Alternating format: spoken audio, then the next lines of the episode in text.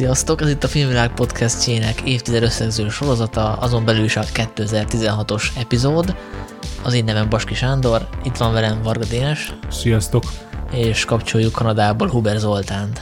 Sziasztok!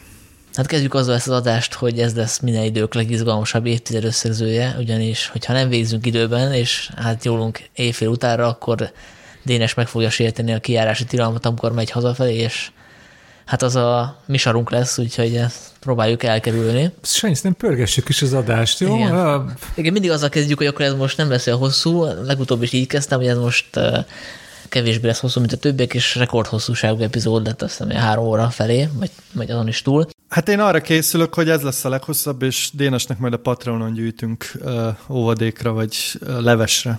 Igen. Jó, én meg egy ilyen CNN riporter leszek, aki tényleg ilyen tűmondatokba jelentkezik be a választás színhelyére, vagy aztán tovább is adja a mikrofont a másik helyszínnek. Szóval hajrá, mi az első kérdésed, Sanyi? Az első kérdés, hogy szerintetek is 2016 az egy tök jó mozis év volt. Mármint, hogyha így visszanézitek a toplistákat, meg hogy hány olyan film volt, amit most szeretetek volna újra nézni, mert nekem nagyon-nagyon sok volt, ami, amit szerettem volna, és amire mondjuk nem volt idő, mert azért, azért nem tudok 10-20 filmet újra nézni, de, de azért sajnáltam például egy csomó dolog kimaradt. Azt tudom mondani, hogy ebben az évszerzős adásban mindig hozunk egy kedvencet. Na, ez most nekem tök nehéz volt kiválasztani, mert ilyen minimum három-négy nagybetűs kedvencem is van az évből, ami, ami, amiről nagyon szeretek beszélni, és nagyon szeretem őket újra nézni. Ebből indulok ki, akkor igen ez egy erős év volt, mert a mozit tök sokszor meg tudott személyesen szólítani. Hát nekem ennek az egész évtized összegző sorozatnak a nagy tanulsága az, hogy minden év erősebb, mint, ami, mint amire emlékszem. 2016 szem különösen erős volt, de minden adás végén rájövök, hogy az adott év is nagyon erős volt, úgyhogy én, én úgy vagyok vele, hogy most, most is ugyanez lesz. De itt tényleg nehéz volt választani kedvencet is, meg én is még mindig maradtak olyan filmek, amiket nem pótoltam, pedig szerettem volna. Hozzáteszem, hogy én megint megnéztem a Letterboxdon a, az én kis saját külön bejáratú statisztikámat, és 142 filmet láttam 2016-os dátummal, úgyhogy ez egy elég szép szám, de még mindig tudnék mondani legalább 15-20-at, amit, amit azonnal pótolnék. Na, akkor most rögtön ellent is mondanék magamnak, mert egy szempontból szerintem ez egy kifejezetten gyenge év volt és ez pedig a, a hollywoodi látványfilmek, főleg azokra kihegyezve a mondandómat, amik sok pénzt hoztak. Szerintem ebben az évben nagyon kevés olyan film van, ami, ami egyszerre tudott emlékezetes lenni, és sok pénzt hozni a kasszáknál. Hát én azért ennek egy ellen mondanék, de majd gondolom, ha a terovatothoz érünk, és a box office nézegetjük, akkor majd részletesebben ezt kiboncolgatjuk. Azt szerintem kb. odaértünk. Én még csak annyit fűznék hozzá ez, hogy milyen év volt 2016, hogy most, amikor visszanézünk az ott évre, akkor olyan konstellációk jönnek létre, amik nem voltak, mert hogy egyszerre nézünk újra olyan filmeket, amiket annak idején 2017-ben láttunk mondjuk, Pontosan. 2017 közepén, vagy akár az őszén is, és most így egyszerre nézünk rá erre a listára, és annak idején nem úgy éltük, mint hogy egy évnek a termései. Igen, egyébként ez, ez is egy tök jó szempont az évtized összegzés mellett, mert tényleg nagyon érdekes ilyen tendenciák is kirajzolódnak, meg hát most így ti nem nagyon látjátok, de hogy én így úgy szoktam jegyzetelni, hogy nyilaszgatok, hogy ilyen konstellációkat fedezek fel én is, akár ilyen műfai szempontból, akár ilyen vonulatokban, és tök, tök izgalmas így visszanézni ezeket, és látni, hogy, hogy milyen, milyen dolgok voltak egymás mellett. Egyébként én azt adtam a 2016-os toplistámnak, mármint a cikknek a címe az volt, hogy nem is volt ez annyira szörnyű. Úgyhogy végül is akkor ezek szerint már akkor is láttam, hogy nem annyira szörnyű év. Hát Jó, de miért gondoltad, hogy szörnyű első körben? Nem tudom, nem tudom. Szerintem, szerintem inkább más miatt, de majd erre kitérünk később.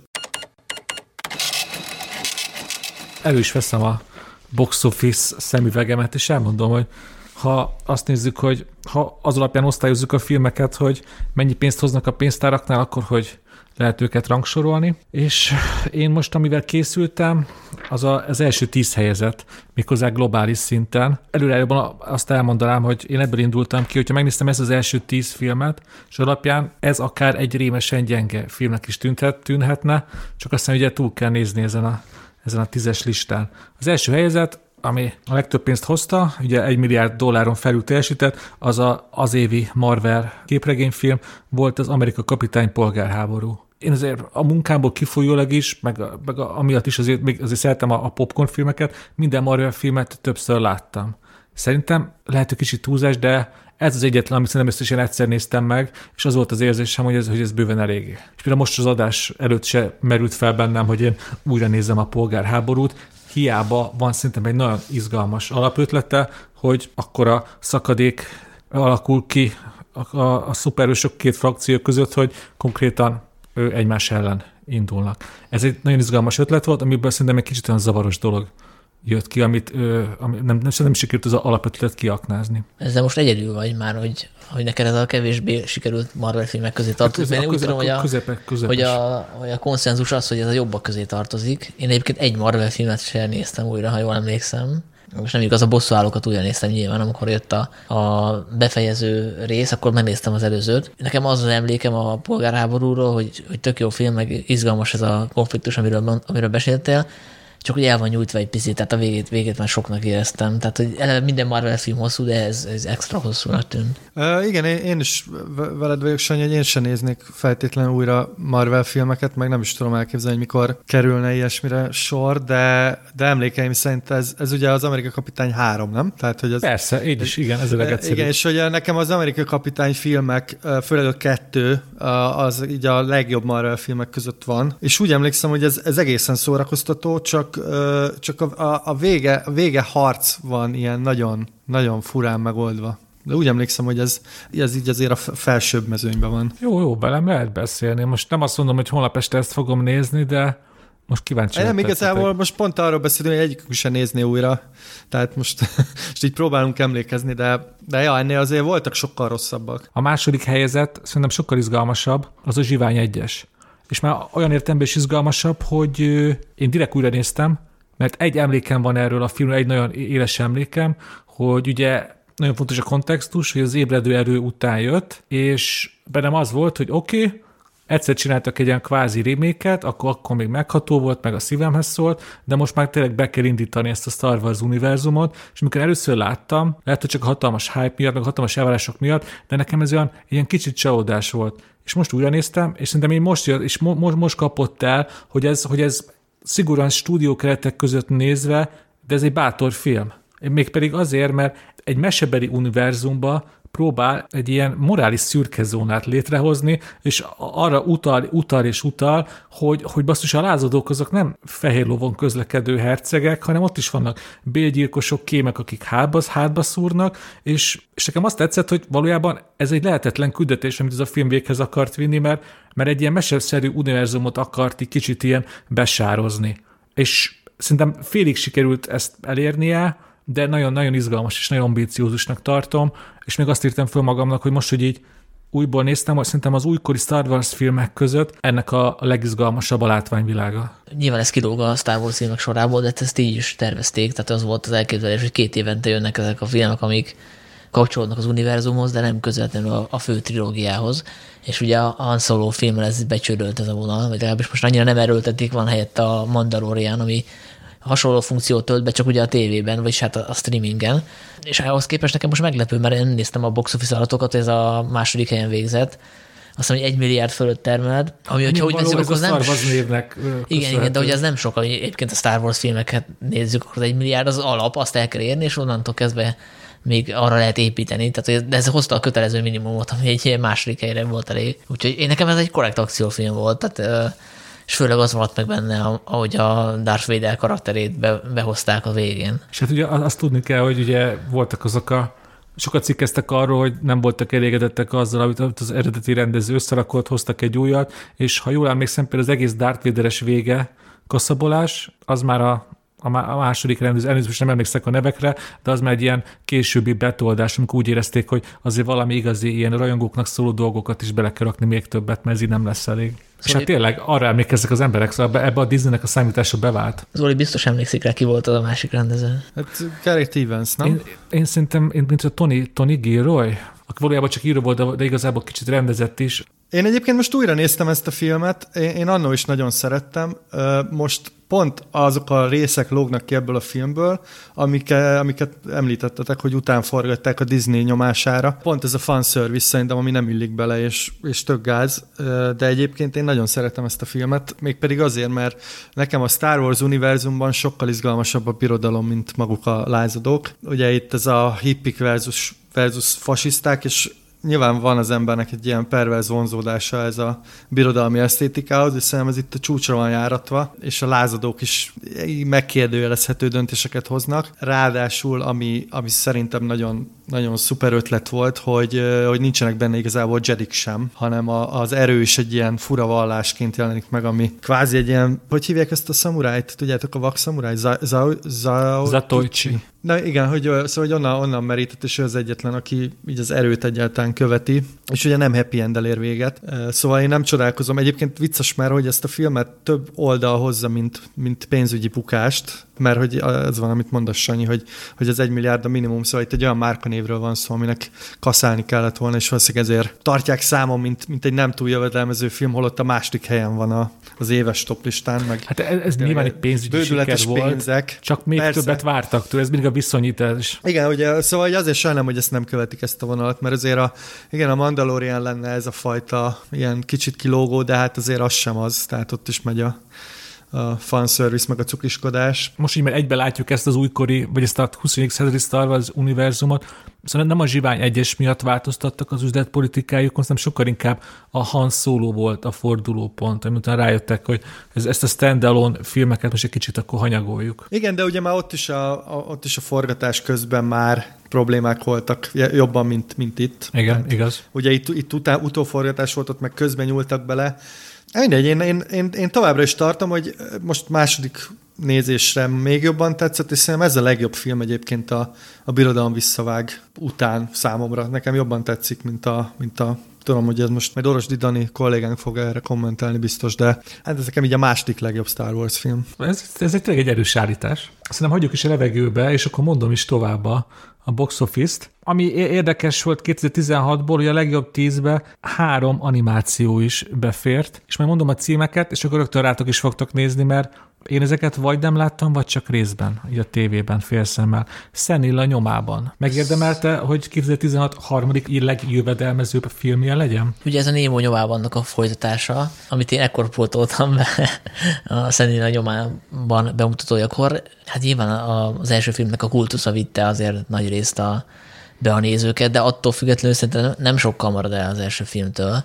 Nyilván ugyanabban az univerzumban, óceánban játszódik. Nem tartom a legerősebb Pixar filmek összámon, de gyakorlatilag, ha csinálsz egy folytatást a Némo nyomában, az az olyan, mint hogy engedélyt kapnál a pénznyomtatásra, tehát ez nyilvánvaló volt, hogy ott lesz a top 5-ben, mondjuk. Akkor be kell vallanom nektek, de én még nem láttam a Némo nyomában soha. E- ezt a, ezt a második résznek főleg nem, de... Figyeltek, akkor beszélgessünk inkább a negyedik helyzetről, ami ismét egy animáció, aminek az a cím, hogy Zootropolis, ami viszont egy, nem egy folytatás, ugye egy szép magyarosan egy standalone animáció. És abban nekem egy emlékem van, lehet, hogy külön láttam a Youtube-on, vagy a, a tévében, de tökre megmaradt. Van egy, van egy ilyen tök jó gag benne, amikor mindenki nagyon lassan, ilyen lajhárosan mozog. Azért maradt meg bennem szerintem, egyrészt tök humoros, ugye a film kontextusába, másrészt ugye manapság egy animáció minden fel van benne pörgetve, pörög, pörög, az egész hihetetlen család. Itt meg végre azt láttam, hogy ilyen percekig tart, míg valaki egy nem tudom, egy számlát lerak az asztalra. De várj, ezt tegyük hozzá, hogy, hogy egy hivatalban megy a nyuszi intézni, azt hiszem a jogsiát, és ott vannak a lajhárok, szóval azért az egy ilyen,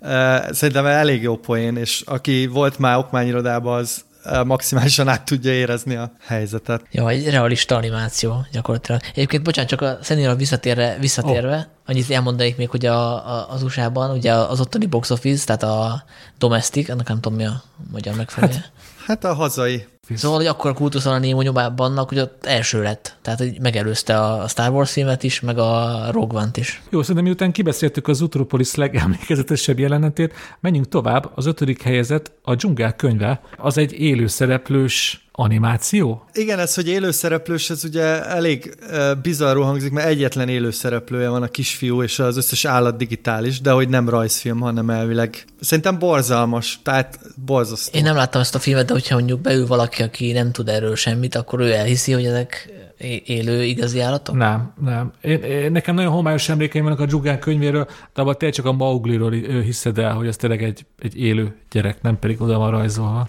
Hát nem tudom, mert ugye a Disney most ebből ilyen nagy bizniszt csinált azóta, szóval már a, most azt hiszem a mulan járnak, de hogy ugye az Aladdintól kezdve az oroszlán király mindent megcsinálnak így, gyakorlatilag pénzt nyomtatnak maguknak, de borzasztó, én, én kettőt néztem meg, és annyira steril, hogy, hogy nem tudom, tehát... Én, én, én utána láttam részleteket a dzsungel könyvéből, én, én le is szálltam erről a vonatról, én se az oroszlán királyt, se most a Mulant, meg nem tudom mi, mi volt, nem, én, ezeket, én ezeket nem nézem meg. Úgyis megnézi helyettem 100 millió ember, szóval nem érzem. Igen, azt akarom mondani, hogy szerintem a Disney most nem uh, dől a kardjába, hogy mi ezeket nem nézzük, mert hogy a, ez gondolom a, a minden új, vagy hogy van? Hogy... Egy, új, ez, egy újszülöttnek minden vicc új. Igen, egy újszülöttnek minden vicc új, és nyilván van akkor a piac ezeknek, hogy nem. Hát, mint látjuk, mert ugye az ötödik, ugye?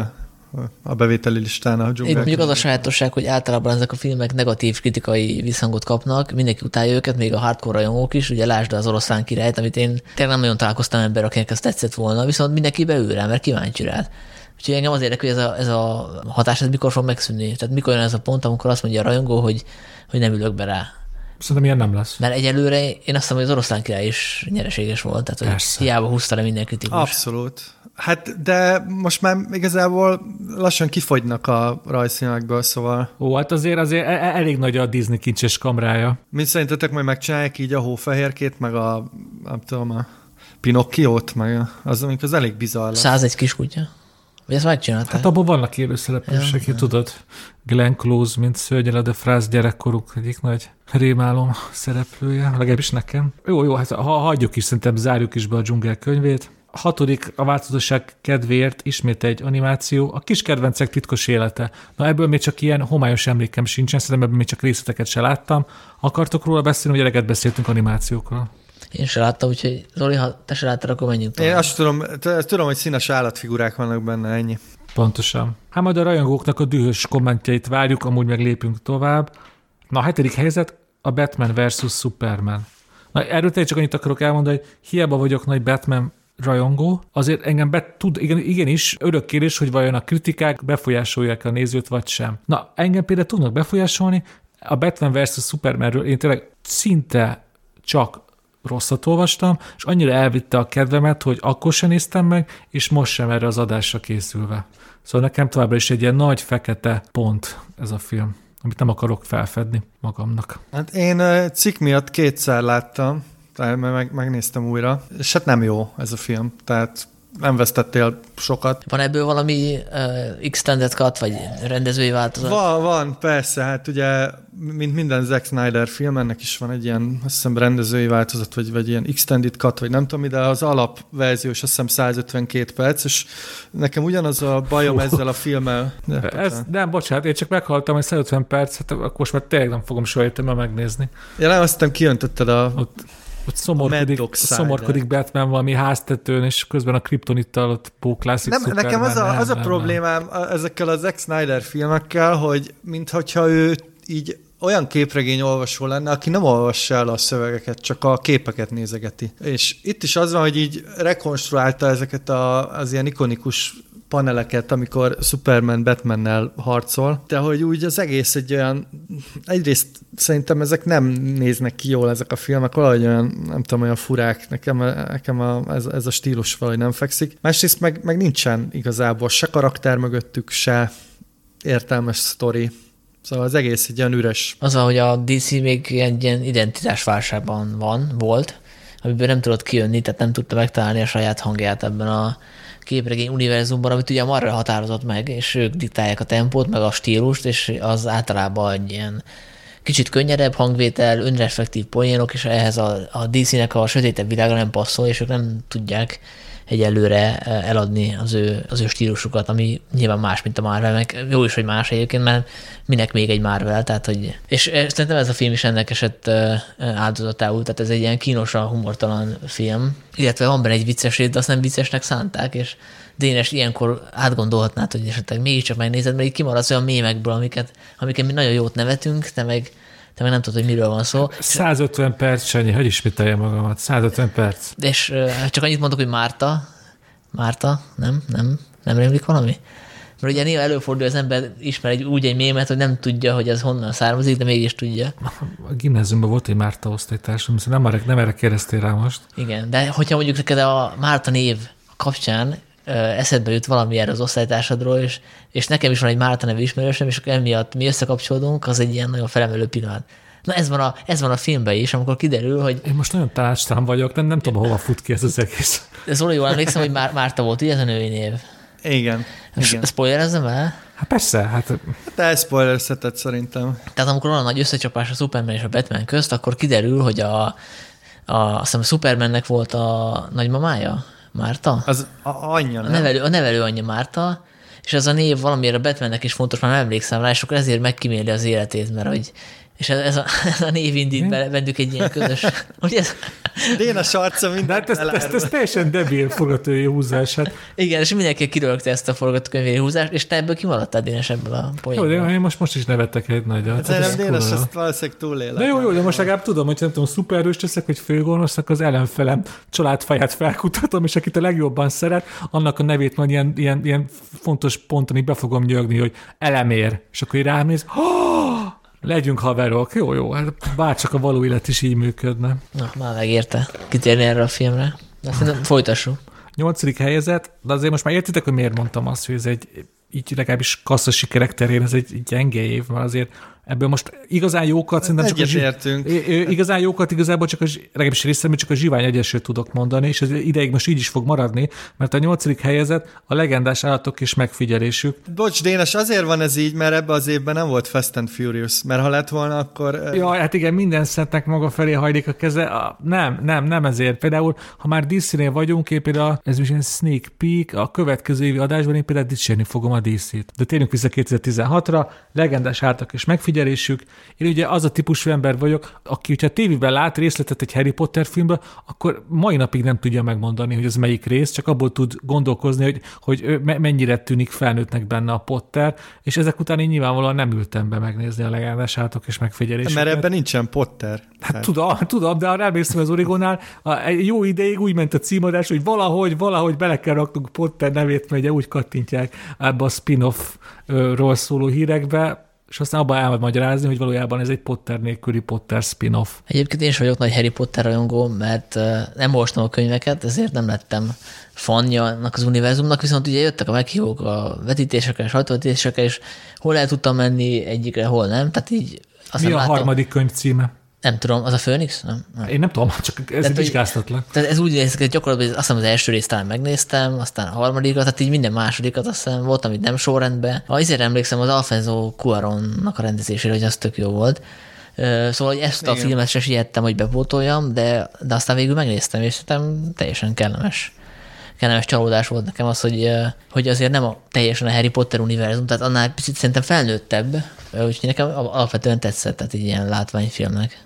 Szóval én megnéztem az összes Harry Pottert, amikor jöttek ki sorba, és a vége felé már egész jó, amikor ugye így besötétedik, tehát kicsit ilyen dárkosabb lesz.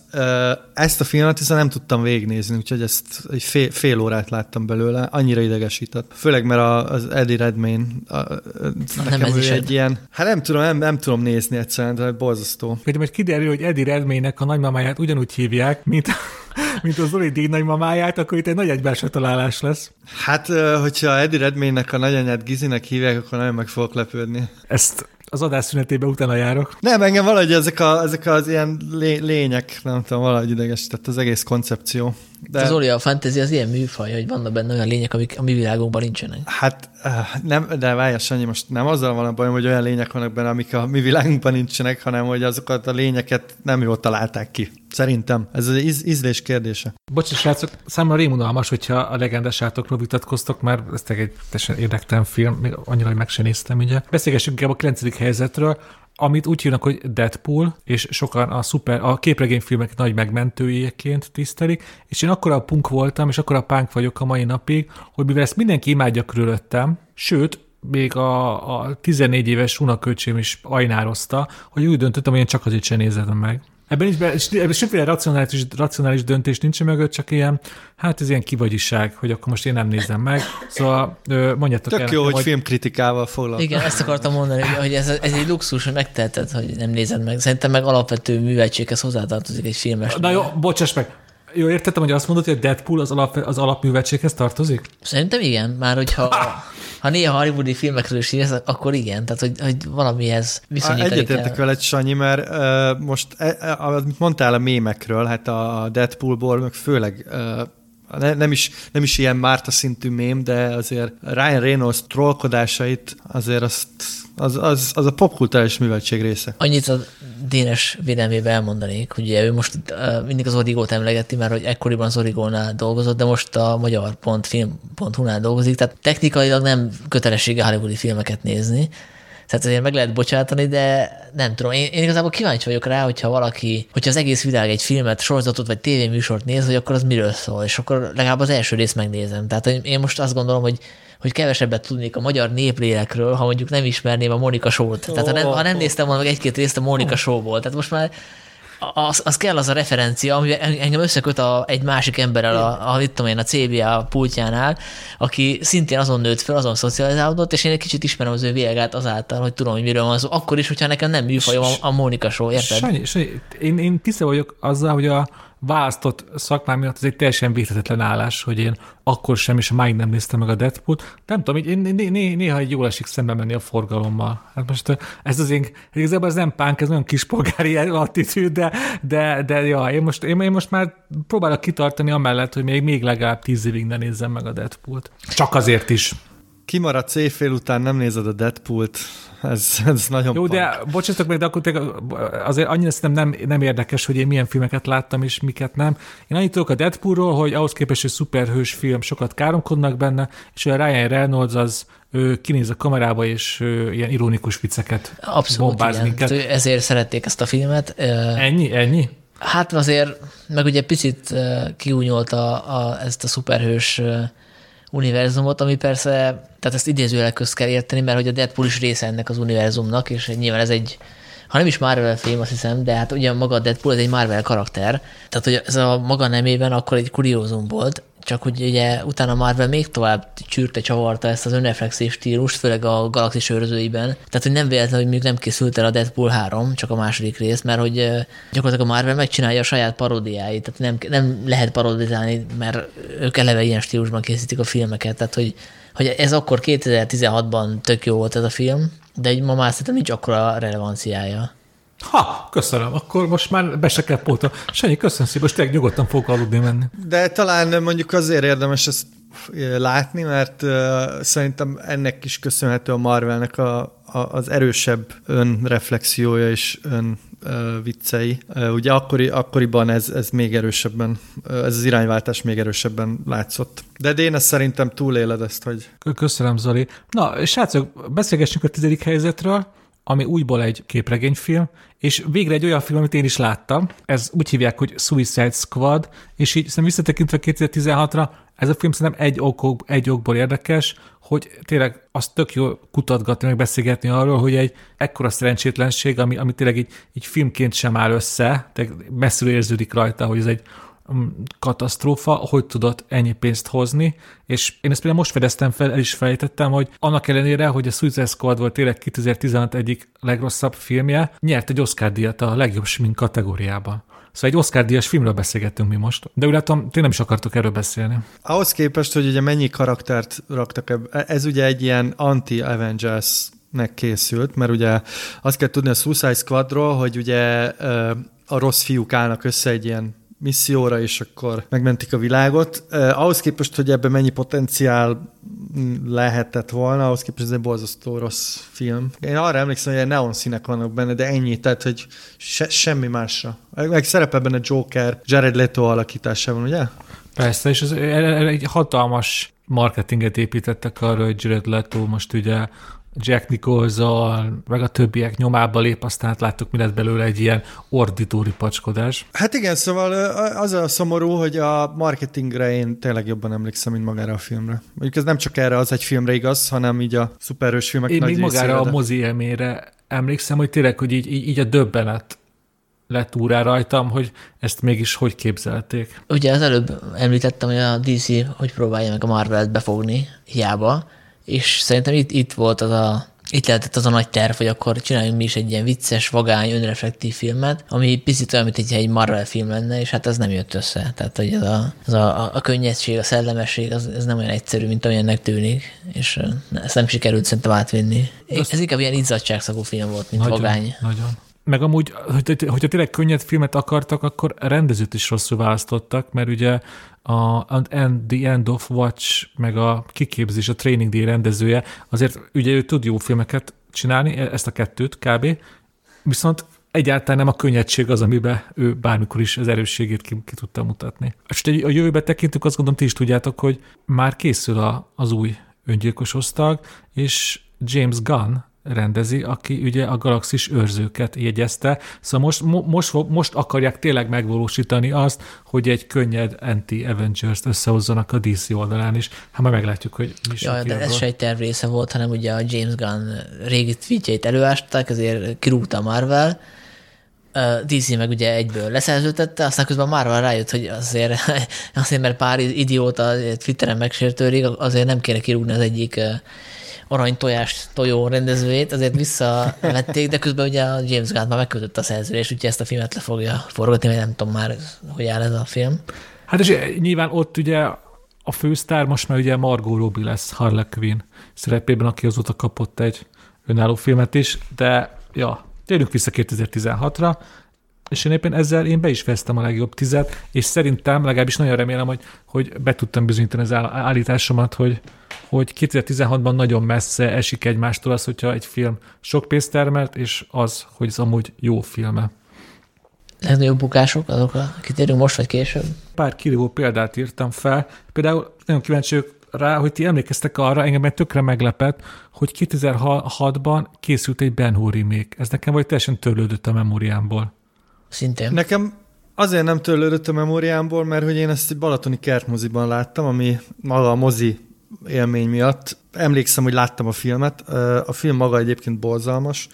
Annyi poén van benne, hogy szerepel benne Morgan Freeman és Fehér Ősz rasztái vannak. Keressetek rá a neten egy fotóra, és mindent, mindent meg fogtok érteni. És ő a, gondolom ő az arab mestere, most csak tippelek, gondolom ő az arab mestere. Hát, hát nem ő a római császár. Igen, azt, igen. Azt, igen. Ez, ez még annyira nem PC mániás. Hát és ő ugye ez nem csak kritikai, hanem egy borzalmas anyagi kudarc is volt. Több szempontból ez volt az év legnagyobb bukása. Ugye nagyjából 100 millió dollárból készült, és ehhez képest világszinten ennél kevesebbet 94-et hozott össze. És még egy érdekesség, hogy ezt a filmet ugye a, hát a jobb lapokat, napokat is látott, és hát egy időben nagy tehetségnek gondolt Timur Bekmambetov nevű orosz rendező készítette, aki ugye nagyon sokan a nappali őrség, meg az éjszakai őrség miatt szerettünk meg, ugye ez két nagyon jó hát orosz meg film a volt. Wanted miatt, ami szerintem egy szuper jó film. Csak aztán a Wantedon kívül szerintem mm, csupa mm, fejtető, vagy, vagy, vagy egyenesen borzasztó filmet készít Amerikában. Ami még meglepő volt számomra, hogy pénzügyi kudarc volt 2016-ban, az egy Steven Spielberg film. Mert ugye történelmileg, filmtörténetileg Steven Spielberg mindig is a, a, a kasszasikermágus volt. Ez képest a, a Barátságos Óriás című fantaziét egyértelmű bukásnak könyvelik el. Én ez azon túl, hogy felolvasom az adatot, hogy 100 millióból készült, és, és csak 190-et hozott, többet nem tudok hozzászólni, mert én ezt a filmet nem néztem meg, nem, igazából nem voltam kíváncsi Spielbergnek a, a, a legújabb gyerekfilmjére. Én se. Ö, én se. Hát szóval... azért akkor szerintem ez, ez egy kicsit azért mond valamit arról is, hogy miért lett bukás ez a film, hogy háromból null ember nézte meg, annak elére, hogy azért Steven Spielbergre szerintem odafigyel az ember. Tényleg csak egy felsorolás szerűen, ami nem hozta az elvárt pénzt, és szerintem érdemes megemlíteni, az a Szövetségesek nevű második világháborús thriller, ami ugye olyan értem is egy régi vágású film volt, hogy tényleg a sztárnevekre épült. Arra mégpedig, hogy ugye Brad Pitt és Marion Cotillard játsza ugye a főszereplőpárt, és ugye a konfliktus az, hogy vajon kéme az amerikai katona francia szeretője vagy sem. Ami szerintem egy tök jó ötlet, az egész sokáig olyan hangulatot állsz, mint egy ilyen kaszablankába oltott ilyen ö, kémfilm, és aztán szerintem a végére így, hát így ellaposodik, és én meg tudom érteni, hogy ezt miért nem szerették tömegek. Én szeretnék még egy filmet kiemelni ebből a box office vonalon, ez a Hajrá. Dirty Grandpa. A nagyfater elszabadul, csak azért akarom megemlíteni, mert ez egy hatalmas bukás volt Amerikában.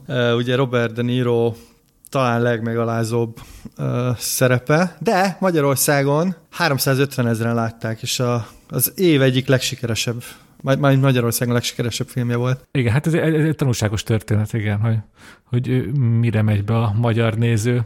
Csak Én még, szerintem még két film, ami érdekes, ami anyagi kudarc volt ebben az évben. Az egyik, az, amit én, én tényleg én, ú, te, csak nagyon pici túlzás van abban, hogyha azt mondom, hogy úgy vártam, mint a megváltót, mert nekem az eredeti Zoolander az Terence Malikhoz hasonló az egyik kedvenc filmem. És tényleg így, így, így hisztérikusan tudok rajta nevetni. Hát nem Terence Malikhoz, hanem Adam Sandlerhez hasonlóan, nem? Nem, ő, ez, ez, ez, ez, ez ö, rosszul tudod, olvas utána kedves Zoltán, most így hagyd döpjen beléd a tört. Ezt meg ő, tényleg Terence Malik egyik kedvenc filmje, a Zoolander. Jó, hát, hát gondolom tudod, mi a véleményem Terence Malikről, tehát... Ezt elmondta, hogy miért? Részleteket nem tudok, de hát, gondolom egy, egy, egy troll. keresés biztos segít. És hát ugye a legnagyobb rajongásom ellenére is a második rész sajnos nem lett humoros, hanem egy ilyen, hát ez a tipikus elkésett, kicsit izzadságszagú folytatás, ami a kasszáknál sem szuperált, és sokkal kevesebb pénzt hozott, mint amit vártak tőle. Dénes, én azt hittem, hogy egy másik filmet mondasz, hogy mit vártál a legjobban. Mert hogy van egy film, amit én emlékszem, hogy nagyon-nagyon vártunk, így kollektíven. Na. Már a trélerét imádtuk, és nagyon vártuk. Hát én visszatérve, én az Ulander 2 trélerét szerintem kínosan sokszor megnéztem otthon is, meg a munkahelyemen is. Másik filmre gondoltam, és együtt néztük meg moziban. Na mesélj, mesélj, mi volt ez? Trash trash jelleggel, nem emlékeztek rá? Gyerekek, én ezt felírtam, nem tudjon erre gondolunk el, de mi elmentünk egy, egy, egy, egy Will Smith romantikus gipsre. Így van, így van erre. A szép magyarsággal a váratlan, címet, váratlan szépség címet kapta a magyar mozikban, és nekem ez tök érdekes, hogy mennyire befolyásolja egy filmélményt az, hogy ki kell nézni az ember, ugye veletek, és hogy mikor az egy borzasztó film volt, tényleg kínos volt végigülni, de arra emlékszem, hogy ugye közeledett a karácsony, utána elmentünk sörözni, jó hangulat volt, még arra is emlékszem, hogy valahol ott buli negyedben, talán a Kandaló pubba voltunk. Ez itt én megmaradtak ilyen tök fontos részletek, és itt a körítés miatt nekem az a nem maga a film, de a mozi élmény, ez egy tök pozitív emlék, és ezért emlékezek máig tök élesen magára a filmre is, ami ugye Hát szerintem most nyugodtan ezt spoilerezni, egy ilyen gyászfeldolgozásnak indul, amiben aztán ilyen teljesen idióta módon kiderül, hogy tényleg angyalok szerepelnek benne, jól emlékszem? Igen, körülbelül ez, igen, igen. Azon gondolkozom, hogy miért néztük meg ezt a filmet. Lehet, hogy azért, mert hogy, mert hogy már addigra már befutottak a negatív külföldi kritikák, és gondolom azért, tehát hogy ezt már kikiáltották az év legszarabb filmjének. Én úgy emlékszem, hogy a trailernél már láttuk, hogy ez egy iszonyat nagy trash lesz, és direkt szánt szándékkal elmentünk rá. Én, én erre emlékszem, de... Ha most kicsit előre szaladunk, a, most elővem azt, amit a decemberi adásba kéne elmondani, hogy ugye most beszélünk erről, hogy milyen jó kis karácsonyi élmény volt ez a mozi. Én kicsit félek egyébként 2020 karácsonyától, hogy, hogy milyen lesz, mert most például én most haza nem mehetek, anyámhoz, mert ugye fél a vírustól, most nem tudom, mi lesz, tök, tök érdekes lesz, hogy, hogy, hogy most 2020-ban mi lesz nekem a meghatározó karácsonyi emlék. Újra nézed a Will Smith filmet. Hát de azért, de azért, azért egyedül, utá, egyedül újra nézni a váratlan szépséget valami olcsó borral, az tényleg már csak egy szanax hiányzik, meg hogy meg egy macskába töröljem a könnyeimet, szóval. Dénes, veszünk, mindenki vesz magának kézműves szájdert, felhívjuk egymást, és ez lesz a legjobb karácsonyod. Jó, legyen így, legyen így. De, de amúgy ti ezzel nem gondolkoztatok, hogy 2020 karácsonya? Hát... Az, az még messze van, annyira, egy hónap. Még, igen. Másfél Még annyi dolog történhet. Igen. Lehet, hogy visszasírjuk ezt a mai napot, hogy ez még milyen szép nap volt. Igen. igen. Kiderül, hogy Trump fordít mégis valahogy. Pénzügyi szempontból szerintem két film van még, amit érdemes megemlíteni. Egyik ugye a Warcraft a számítógépes játék feldolgozása, ami azért érdemes, mert ennek kapcsán el lehet gondolkozni azon, hogy mi számít bukásnak. Mert ez hatalmas pénzből készült, 160 millióból, és ehhez képest Amerikában egyértelmű bukás volt, csak 47 milliót hozott vissza. Viszont főleg Kínában több száz milliót hozott, 433-at. Ez is mutatja, hogy ez mindig változik, hogy, hogy egy film mikor sikeres a stúdiónak, és onnan lehet tudni, hogy még mindig számít az amerikai box office, hogy a számok hiába mutatnak jól, a Warcraftnak azóta se készült folytatása, pedig ez is nyilvánvalóan egy franchise indító darabja lett volna. Hát ebből tényleg azt tudom kiolvasni, hogy, hogy hiába jövünk Kínával, meg hogy mennyire, fontos, mennyire fontosak ezek az új piacok. Igenis, egy Warner, meg a társai még mindig első helyen azt nézik, hogy, hogy a filmek Amerikában hogy szuperálnak. Én legalábbis ezt olvasom ki a Warcraft. Mert a, hogyha százalékos arányban nézed, akkor még mindig az amerikai piac ilyen 40-45-50-55 százalék, szóval azért, ha azt nézed, hogy az egy, egy terület, meg egyébként mellette a világ, akkor az még egy, mindig egy hatalmas túlsúly. De a Warcraftnál szerintem fontosabb az, hogy ugye ez egy számítógépes játék adaptációja, és a számítógépes játékok adaptációja ilyen legendásan rosszul szoktak szerepelni, szerepelni, és általában mindegyik bukik, legalábbis nem tudtok olyat mondani, ami, ami nem, és ez a legsikeresebb számítógépes játék adaptáció, amellett, hogy egyébként bukás volt. Na ez az, hogy, szóval, hogy ember azt mondja, hogy bukás, akkor egy kicsit ilyen hülyét csinálna magából, mert maguk a számok ugye 160 versus azt hiszem 400 milliónál is több. Csak ugye a számok mögé kell nézni. Hát egyrészt meg ugye ilyenkor azt nézik, hogy mennyi volt a marketing költség, meg, hogy, meg, meg ez, hogy mennyit ér az a márka név, és hogy az elvileg a Warcraft ugye egy, az egyik leghíresebb számítógépes játék, ugye van a World of Warcraft is, ami még azt hiszem megy, de én is szeretnék 100, 100 milliót keresni, és bukásnak nevezni, szóval... Hm. Volt egyébként olyan számítógépes játék adaptáció, ami kirívóan sikeres lett volna, mert hogy én nem emlékszem rá. Tehát mi inspirálja a stúdiókat arra, hogy újra és újra megpróbálkozzanak vele? Hát az ötlethiány, tehát ugye most rárepülnek mindenre, ami bejáratotnak számít, de igen, hogy nem volt még. Hát a brand, brand. Ugye egy Warcraft brandet, vagy akár egy Tomb Raider brandet nem kell úgy felépíteni, mint egy teljesen új dolgot. Azt hogy talán sikeres volt az első Tomb Raider. Vagy nem? Hát szerintem is. Csak ugye ott az, az egy másik világ volt, amikor volt egyrészt egy, egy számítógépjátéknév, plusz egy világsztár, egy olyan időszakban, amikor egy világsztár nevével még el lehetett adni egy filmet, ugye Angelina Jolie. És ha már tényleg itt ilyen a brandekről beszélünk, a szellemírtó kis pénzügyi bukásnak számít, de számomra annál a filmen az a legérdekesebb, hogy talán az volt az évnek a, a leggyűlöltebb filmje. Biztos emlékeztek arra, hogy egy tök visszataszító jelenség volt, hogy, hogy ezt a filmet nem akkor utálták az emberek, mikor megjelent, és megnézték, hanem elő, már előtte egy ilyen, egy ilyen, ilyen gyűlöletkampány indult ellene, csak azért, mert ugye ez egy úgy rimék, hogy a férfi szellemírtókat most hirtelen nők játszák. Az egy dolog, hogy ez tényleg nem a világ legkreatívabb ötlete, de hogy emiatt elkezdeni gyűlölni egy filmet, az nekem egy kicsit olyan, hát olyan ellenszenves volt. Most nyilvánvalóan az internetről beszélek, ahol tényleg egy ilyen hatalmas kommentáradat érkezett a szellemírtók ellen. De tényleg biztos, hogy akkora volt az a gyűlölet? Tehát azért, mert pár ezer ember a, a Twitteren hisztériázik, tehát hogy nem, Akkor nincs mondom, ez Ez látható volt, ez lát, a, a, magyar, a magyar, kom, ez a magyar kommentek szintjén mm. is megjelent. Hát lehet, hogy Dénes, te a nőgyűlölő véleménybuborékban élsz, és azért uh volt, volt, én emlékszem, hogy volt ilyen, de ne, annyira nem volt ilyen nagyon kirívó, nem? De arra emlékszem, hogy inkább az volt a probléma, hogy ugye ez egy kultfilm, vagyis hát nagyon sokaknak ilyen kedvenc gyerekkori film, és inkább azzal volt a baj, hogy nem, nem csak azzal, hogy, hogy nők, hanem így az egész projekt ö, már, már ilyen halva született. Amennyire én emlékszem, de... Én láttam a filmet, de én nem voltam az eredetileg akkora nagy rajongója. Nekem mondjuk az van meg a, a, a filmből, hogy készült hozzá egy számítógépes játék, még azt hiszem valami PC korai verziójára, vagy talán Commodore 64 re és így állandóan a fülemben van az a zene, mert mindig az volt a menürendszerben. De magát a filmet csak később láttam, és emiatt én nem lettem akkora rajongó. Viszont akik így szakértők azt mondták, hogy itt az lehetett a probléma, hogy ugye az eredeti film az alapvetően egy ilyen műfai film, tehát így sci-fi, kaland, picit horror, nyilván egy ilyen családi, családi horror. Játék, család, igen. Pontosan és a, a remake a női remake máshol vannak a hangsúlyai, tehát az első sorban inkább vígjáték, és csak másodszorban skifi. És hogy ez, ez így érthető módon azért bántotta a rajongókat, viszont annak ellenére, hogy nyilván volt egy ilyen komment ami a Twitteren gyűlölködtek sokan, szerintem nem ezért bukott meg a film. Tehát, hogy, hogy ez, ez csak ez nem tudta volna megbuktatni a filmet. Már hogyha bukásnak tekint. Ha számokat nézzük, igen, igen, bukásnak. Hát az is sokat mondó, ugye, hogy talán emlékeztek rá, hogyha nem jön a koronavírus, akkor már láttuk volna a következő szellemírtókat. Az idén nyáron lett volna, csak ezt már nagyon, nagyon korán elmosta a, a vírus hulláma, és jövő nyáron fog jönni majd a következő. Ami én csak a trailerére emlékszem, ami nagyon, nagyon, nagyon érdekes, hogy volt a szellemírtók, ami hatott a Stranger Things-re,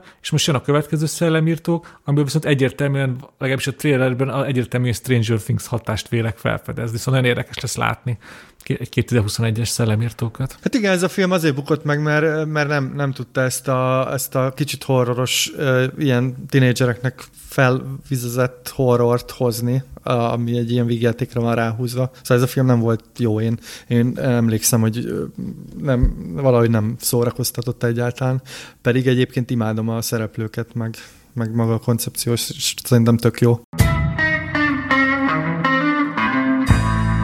Következő napirendi pontunk a fesztivál beszámolók összegzése. Tudom, durum, durum.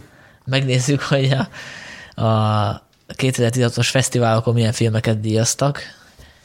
Ugye a Sundance-el kezdünk mindig, amit januárban rendeznek meg, ugye a legnagyobb amerikai független filmfesztivál. Rögtön nagyon érdekes filmmel kezdünk, ugye a zsűri nagy díját a Nate Parkernek a Egy nemzet születése című filmje, The Birth of a Nation kapta meg ami ugye egy, egy rabszolgának a története, és ugye a cím azért érdekes, mert hogy nemzet születése cím azért foglalt egy egészen híres film, a David Wark Griffithnek a filmje, Néma filmje viselt ezt a címet, ami filmtörténetileg kiemelkedő abban a szempontból, hogy a, például a vágás megújított abszolút, tehát... Hát a párhuzamos vágás, ugye? Igen, meg hogy mindenféle tekintetben innovatív volt, cserébe egy picit rasszista volt, tehát picit. A, a Ku Klux Klan pozitív színben tűnt föl benne, úgyhogy a Nate Parker szándékosan adta ezt a, ezt a címet az ő filmjének, hogy ezzel átírja gyakorlatilag a, a történelmet, vagy hogy egy átkeretezze, és szerintem ez egy tök jó film, ezt megnéztem.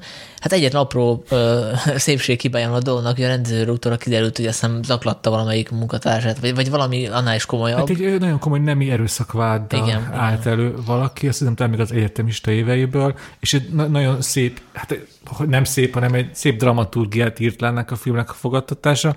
Elmészem, hogy olyan nyáron, abban az évben nyarán, így ilyen Oscar esélyekről beszélgettek. És aztán jött ugye a botrány én ezt a filmet én azért nem szerettem, mert nem elég punk. Tehát a, a, a címadás gesztusa a legpunkabb vonása. És hát nyilvánvalóan most egy olyan olyan társadalomban élünk, ahol ez nem elfogadható, és nincs az, hogy valaki nagy művész, akkor többet megengedünk neki. Nate Parker ezzel nem a, egy örökre elvágta magát a, a rendezői pályán.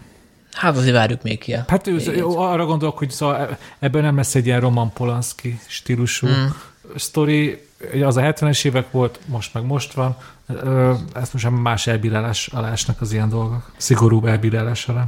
A rendezői díjat Sundance-en a drámai kategóriában, ami vicces, mert hogy egy végjáték kapta, vagy egy szatíra, a Swiss Army Man, aminek az a magyar címe, hogy az ember, aki mindent tudott, és ezt a filmet ismerik úgy. Akik ismerik, hogy ez a fingós film, hogy a Harry Potter Daniel Radcliffe egy fingó hullát alakít. Tehát szó szerint egy, egy, egy halottat alakít, aki valamilyen formában mégiscsak életre kell. A másik főszereplő Paul Dano. Én ezt Károly Ivariban láttam annak idején, és nagyon szerettem, egy nagyon mm, beteg hangulatú végjáték, aminek azért van egy ilyen tanulság, ahol végére kifut, tehát a, egy évet bejár a, mind a két főszereplő, tehát a hulla is, meg az élő is, és azt, azt arra emlékszem, ennek nagyon nagy fölfutása volt, jó kritikákat kapott, és amikor elérhetővé vált a szélesebb közönségnek is, többek közt a, a világhálón, világháló kevésbé legális zugaiban, akkor szerintem nem nem az volt a reakció, amire én számítottam. Tehát, hogy így, az, az úgy emlékszem, hogy az volt a zsigeri reakció sokaktól, hogy új, ez milyen gusztustalan. Mint hogyha így a többség nem akart volna túllátni ezen a, ezen a gimmiken, meg hogy ez egy szándékosan harsány és szándékosan polgárpukkasztó film, de azért emögött van egy mélység is. Hát én a Cinefesten láttam, és nekem is nagyon tetszett, mert végre egy olyan ötlet, ami, ami egy tök, tök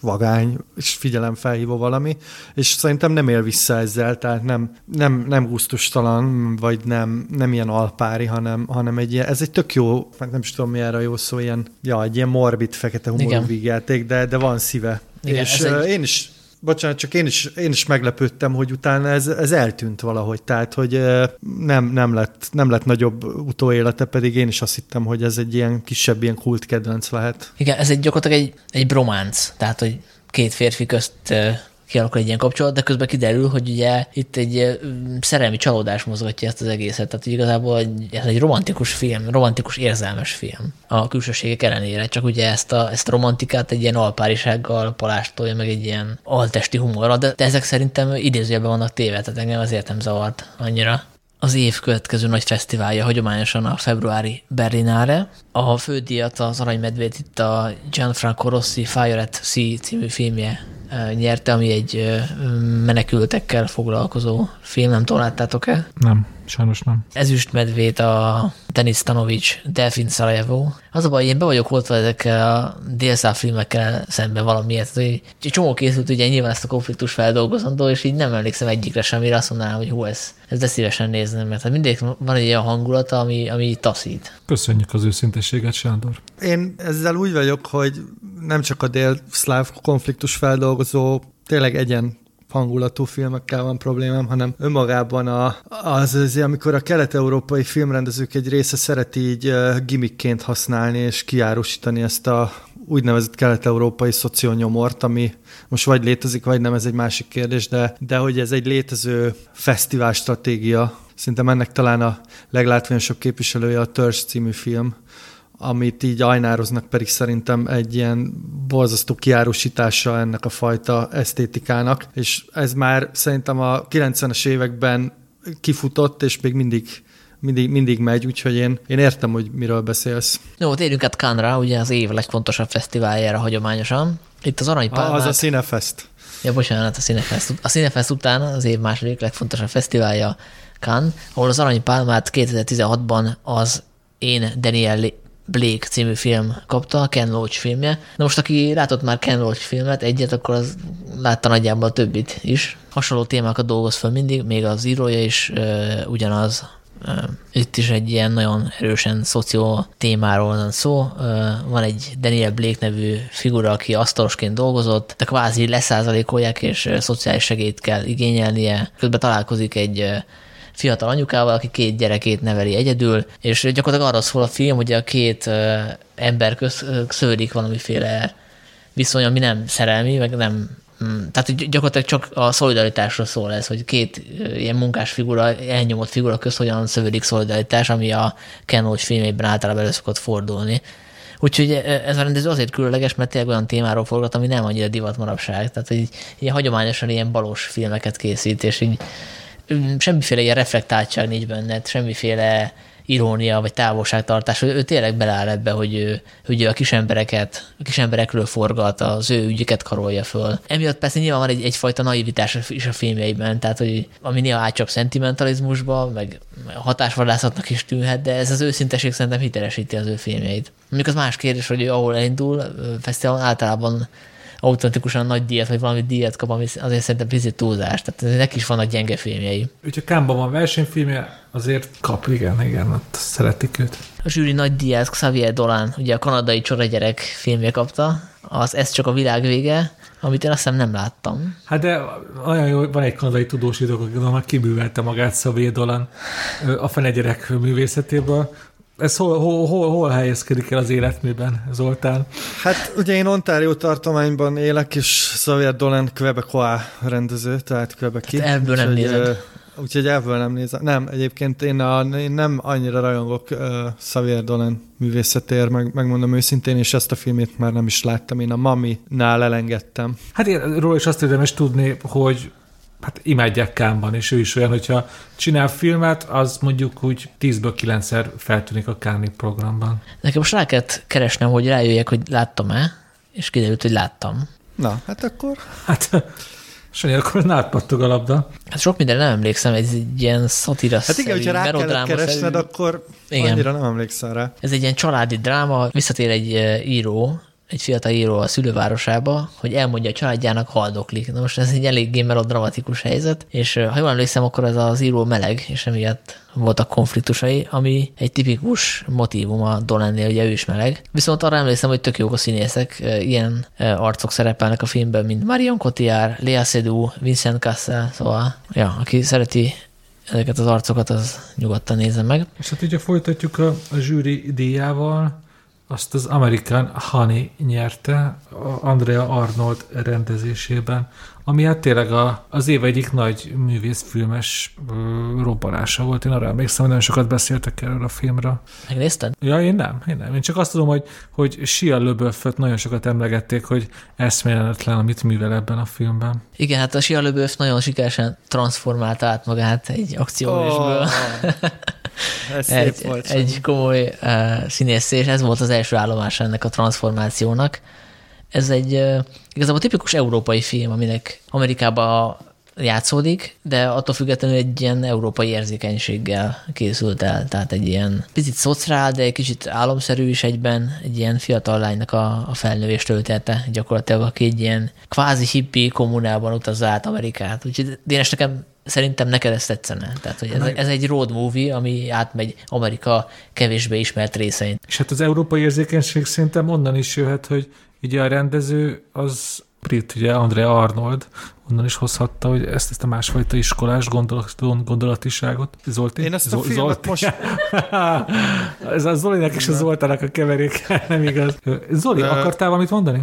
Az csak annyit akartam mondani, hogy én ezt a filmet most láttam először, ez volt az egyik nagy pótlásom, és már ezért megértem megcsinálni ezt az egész podcast sorozatot, mert uh, amúgy biztos nem nézem meg ezt a filmet, de elrettentett annak idején is a 162 perc, uh, mint játékidő, és most is úgy érzem, hogy ez kicsit hosszú film, tehát nem feltétlenül indokolt e, ez a játékidő, viszont iszonyú jó az egésznek a hangulata, és szerintem azt fontos talán tudni, hogy, e, hogy ugye a szereplők nagy része egyébként amatőr, tehát e, ezeket az arcokat úgy találta a rendezőnő különböző parkolókban és egyéb helyeken. Ugye arról szól a film, hogy, hogy egy ilyen csapat fiatal uh, utazik keresztül tényleg Amerikának a, hát így a középnyugat, a rosdölvezet kevésbé fejlett részén, és magazinokat árulnak, házalnak gyakorlatilag, és megpróbálják eladni ezeket az előfizetéseket olyan szövegekkel, hogy veterán az apám, meg drogfüggő vagyok, stb. És na, ezek, ezek az arcok tényleg, tényleg autentikusak, és a rendezőnő maga is utazott egy ilyen társulattal, úgyhogy nagyon-nagyon hiteles a film. Úgyhogy szerintem az európai érzékenység mellett van benne egy ilyen amerikai realizmus is, és aki, aki, aki tényleg szereti a road movie-kat, az szerintem nem fog, nem fog benne csalódni. Annak ellenére, hogy szerintem tényleg így a végére egy kicsit talán szétesik, mert elég impressionisztikus. Meg gondolom sok a improvizáció benne, hogyha már amatőr szereplő. Igen, vannak. igen. És egyébként Shia LaBeouf szerintem azért, én azért szeretem őt nagyon, mert nagyon fura dolgokat szokott ő csinálni, nem, nem minden hova tudom követni, de ő ugye később is dolgozott együtt amatőrökkel, és ebben ő nagyon jó, hogy össze tud rántani úgy egy jelenetet, hogy egyébként körülötte amatőrök vannak, és a filmen tökre érződik, hogy, hogy ott tényleg ő ő így gyakorlatilag mókázik a, nem tudom, a szereplőgárdával. Kánból még megemlíteném a legjobb rendezés díját kapó filmet, ami eljutott a magyar mozikba is, ez pedig az Érettségi, Christian Mungiu filmje, remélem jól mondtam a nevét, ugye egy román rendező, a Romanán új hullám egy prominens alakja, és ezt a filmet én nagyon-nagyon szeretném ajánlani mindenkinek, aki szereti az ilyen földközeli filmeket, amik, amikben a hasonlóság a valósággal az nem a véletlen műve, mert hogy ez egy olyan történet és olyan film, ami játszódhatna mondjuk Magyarországon is, mert hogy ez a, a korrupció kérdését boncolgatja. Ugye arról szól a történet, hogy van egy orvos, egy román orvos, aki szeretné a 18 éves lányát külföldre küldeni az érettségi után, viszont a, a lányt azt megtámadják az érettségi előtt, ettől olyan traumát szenved, hogy hogy nem tud úgy teljesíteni a vizsgán, mint ahogy hogy szeretne, és akkor a, a férfi megpróbálja elérni, hogy kapjon ö, ö, még egy esélyt, illetve hát, hogy ö, kapjon egy protekciót a lánya, és egy ilyen morális dilemmát ö, okoz ez benne, mert hogy az ő erkölcsi elveivel ez ellentétes, hogy ilyen ö, kiskapukat keressen. Úgyhogy az ő morális dilemmájáról szól ez a történet. De ugye itt egy ilyen kis közösséget látunk, ö, aztán talán még a polgármester is szerepel benne, és így kiderül, hogy azért a, a rendszer elég könnyen meghajlítható, hogyha van arra hajlandóság meg pénz. Úgyhogy ez egy nagyon izgalmas dráma, szatíra. És akkor még egy filmet említenék érdekességképpen, az Uncertain Regard szekció fődíját a Oli Maki legboldogabb napja, aminek nekem egy posztere is logott a, a falamon. Ez egy finn boxfilm, egy megtörtént eseten alapul, ami igazából egy romantikus film, és nem lőném le a poénját. Ez egy unorthodox boxfilm, tehát aki hagyományos sportfilmre számít, az csalódni fog, de én mindenképpen ajánlom, hogy aki tudja, az keresse meg. És akkor Dénes már nagyon türelmet, hogy áttérnék Velencére. Hogy mondjad? Azért mutogattam neked, mert azért azt magyarázd el nekem, hogy ezt a filmet te szereted, és tényleg valóban éveken keresztül itt volt a faladon, a házi stúdiódban a posztere, akkor miért került le? Hát mert ugye fölkerült helyette más. Például ott van egy kék bársony poszter, azért azt kevés dolog üti onnan ki. Jó, ezt így láthatatlanban is el tudom képzelni, hogy a kék bársony jobb film, mint az Oli Maki. Hát az egész, egészen biztos. Egyébként nevetni fogtok, de felírtam a kis kisokosomba, hogy Oli Maki, Sanyi poszter, ez van ide. Tegyük hozzá, hogy ez egy jó poszter, tehát azért is került ki. Tehát Igen, meg tegyük hozzá, hogy, olyan... hogy többször beszéltünk a poszterről, mert ugye úgy is tettél szert rá, hogy Károlyvariban volt szintén, ugye, és ott az a kimondatlan szabály, hogy az utolsó napon már el lehet lopni, vagy hát el lehet szedni a falakról a posztereket, mert iszonyatos nagy mennyiségű poszter van szétszórva a, a fesztivál központ körül, és ugye nyilván utána, a fesztivál után ezeket leszedik, és így kidobják, és ezért, hogy ne, ne a kukába végezze, ezért a fesztivál látogatók az utolsó napon leszokták ezeket szedni. Persze vannak mindig pofátlan emberek, akik már utolsó előtti napon leszedik. Például te. és ugye ezt a, ezt a történetet a Sanyi már nekem is többször elmesélte, és ezen felbozdulva, amikor életemben először eljutottam Karlovivariba, ez ugye tavaly nyáron történt, és láttam egy litván filmnek egy, egy, egy, egy kimondottan jól sikerült plakátját. Utolsó napon, legalábbis az ott tartózkodásom utolsó napján némi magyar segítséggel, mármint más emberek segítségével leszettük a plakátot, feszettem a vonatra, Hat órát utaztam a vonaton a plakáttommal, amit aztán ott hagytam a, a csomag térben. Szóval ez az én kalvivaris plakát lopós történetem. Hát lehet, hogy ezt meg ki kell vágni, mert annyira nem lett érdekes. Akkor vele De sajnáltam, egyébként tök sajnáltam azt a plakátot. Akkor ezt a fesztivál szemlét lezárnám Velencével, ugye, a a leghíresebb olasz fesztivállal, ahol a Arany oroszlán nyerő filmet sajnos nem láttam, nem is hallottam róla igazából, a Love Diaznak a The Woman Who Left című filmje, viszont a zsűri nagydíjas film az a Tom Ford féle Nocturnal Animals, aminek is a magyar címe. Éjszakai ragadozók. És erről fogunk még majd beszélni bővebben, illetve az az érdekes még, hogy a, a legjobb színésznő díját Emma Stone kapta a La La Landért, a Kaliforniai álomért, és a legjobb forgatókönyvíró díját a Noah Oppenheim a Jaggiért, és szerintem ezekről is fogunk majd beszélni az Oscar kapcsán, amire akár át is tehetünk most. And the Oscar goes to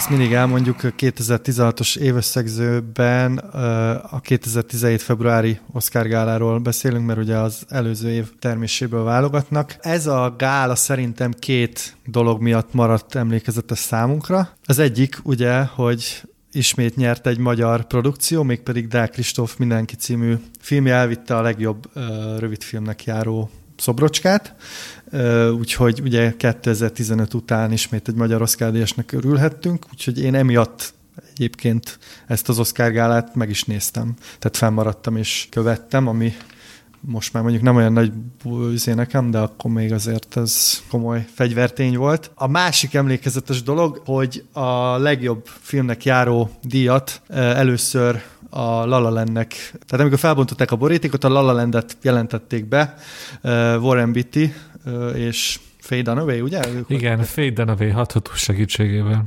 Igen, de kiderült, hogy nem, nem az a film nyert, hanem a Moonlight, a Holdfény. Úgyhogy ez egy ilyen elég, elég vicces baki volt. A, a, ennek az Oscar gálának a nagy favoritja az egyértelműen a, a La La Land volt. Ugye egyrészt a La La Land kapta a legtöbb jelölést, mégpedig 14-et, ami azért elég sok. Végül ebből csak 6 hat oszkárt váltott be, de, de egyértelműen a, az estének a legsikeresebb filmje volt. A jelöltek között volt még az Érkezés 8-szal, a Holdfény 8 jelöléssel, és még a sokat jelölt filmek között volt Mel Gibsonnak a Hacksaw Ridge, ami azt hiszem az volt a magyar cím, fegyvertelen katona. katona. Szintén hat jelölést kapott a Lion, aminek szerintem a magyar címe az oroszlán talán, vagy oroszlán. Oroszlán, és igen. igen, és a Manchester by the Sea, a régi város, amiről majd még később részletesebben beszélünk. Ez egyébként egy elég érdekes mezőny volt, szerintem, főleg a legjobb film kategóriában ugye tényleg ilyen viszonylag ö, színes mezőny volt. Jelölve volt ugye a kaliforniai álom mellett a, hát ez, a magyar címét ennek a filmek soha nem fogom használni, ez a Hell or High Water, aminek nem tudom miért az a magyar cím, ugye a Préri urai, de... Préri játszódik? Hát nem, de mindegy, most ez lényegtelen. Másrészt ugye a, az érkezés, a régi város, ugye ezt említettük, a számolás joga, ami egy afroamerikai nők a NASA-nál dolgoznak. A kerítések, ami Denzel Washington rendezése, és ugye a Holdfény nyert végül, ami egy, tehát nem is tudom, hogy, hogy lehet ezt szépen mondani. Egy mm. fekete melegfilm? Egy fekete meleg film, igen, talán igen. ez a... Hát ugye itt, itt kell most megjegyezni, hát hogy egy, a... egy kamasz ő, önmagának a, önmagára találása, hogyha... Hát egy coming of age film, igen. igen. igen. De itt kell megjegyezni szerintem, hogy az előző évben volt az Oscar So White botrány, nem? Tehát amikor itt kiszámolták, hogy nagyon kevés a fekete jelölt, és ezen változtatni kell, és mit tesz az Isten a következő évben a legjobb filmben, idézőjelben fekete filmből volt három is, azt hiszem, ha jól számolom. Igen, igen, pontosan három. És egyik meg is nyerte a díjat, tehát hogy most vagy az van, hogy, hogy tényleg ez volt a legjobb film, vagy az, hogy a szavazókra is hat azért, a, amit így láttak a, a, a médiában, a közösségi médiában, meg ami eljut hozzájuk, Jó, és de, reagálnak. Oké, okay, de akkor a, a Holdfény az ott van 2016 legjobb filmjei között? Hát Oscar díjat kapott. De most a TV reméltekre vagyok kíváncsi. Hát a... sz- szerintem nem egyébként, de az egész díjszezonban tarolt, tehát sok fesztiválon előkerült. Én annyira nem szeretem ezt a filmet, nekem egy kicsit túl, túl esztétizált. Ugye nagyon szép képek vannak benne, nagyon, nagyon szép színek, de meg, meg ilyen nagyon lírai, de valahogy engem nem ragadott magával. Nem tudom, ti hogy vagytok vele. Ugye erről a filmről beszéltünk Zolival, mert akkoriban már volt mm, oszkáros podcastünk, és én azután nem néztem újra, én akkor elmondtam, hogy én nagyjából szerettem ezt a filmet, csak kicsit fáradt ültem be rá, és így volt olyan rész, amire utána már nem emlékszem annyira, viszont én este ebben az adásban nem szerepeltél, és Úgyhogy te még nem mondtad rá, hogy neked ezt tetszik-e. Ja, én nem véletlenül nem beszéltem erről a filmről, hiszen mai napig nem láttam. Viszont ugye a La La Landről azt még elmondanám, mert erre szerintem már nem sokan emlékeznek, hogy ennek a filmnek iszonyatosan nagy hype volt. Tehát ugye a, be, először bemutatták, azt hiszem Velencében talán, és onnantól kezdve egy hetente jöttek a lelkendező cikkek, összeállítások, verkanyagok, mindenféle szempontból elmondták ezt az év legjobb filmének, tehát hogy, és úgy néztem meg ezt a filmet, hogy tényleg már bennem volt ez, hogy tényleg ez a világ hetedik csodája, vagy nyolcadik csodája, és hogy ahhoz képest nyilván tehát annak az elvárása nem lehet megfelelni egy ilyen lehetetlen elvárásnak, és hogy tetszett a film, de nyilván ahhoz viszonyítottam, amit hallottam róla, és így belegondoltam, hogy mennyire jobb lett volna, hogy én ezt Velencével látom, mint kritikus hmm. elsőként, úgyhogy semmit nem tudok róla, és, és így már nehéz volt megítélni, amikor eljutott hozzánk végre valahára, több hónappal később. Hát igen, ez, ez, a, ez a tökéletes, klasszikus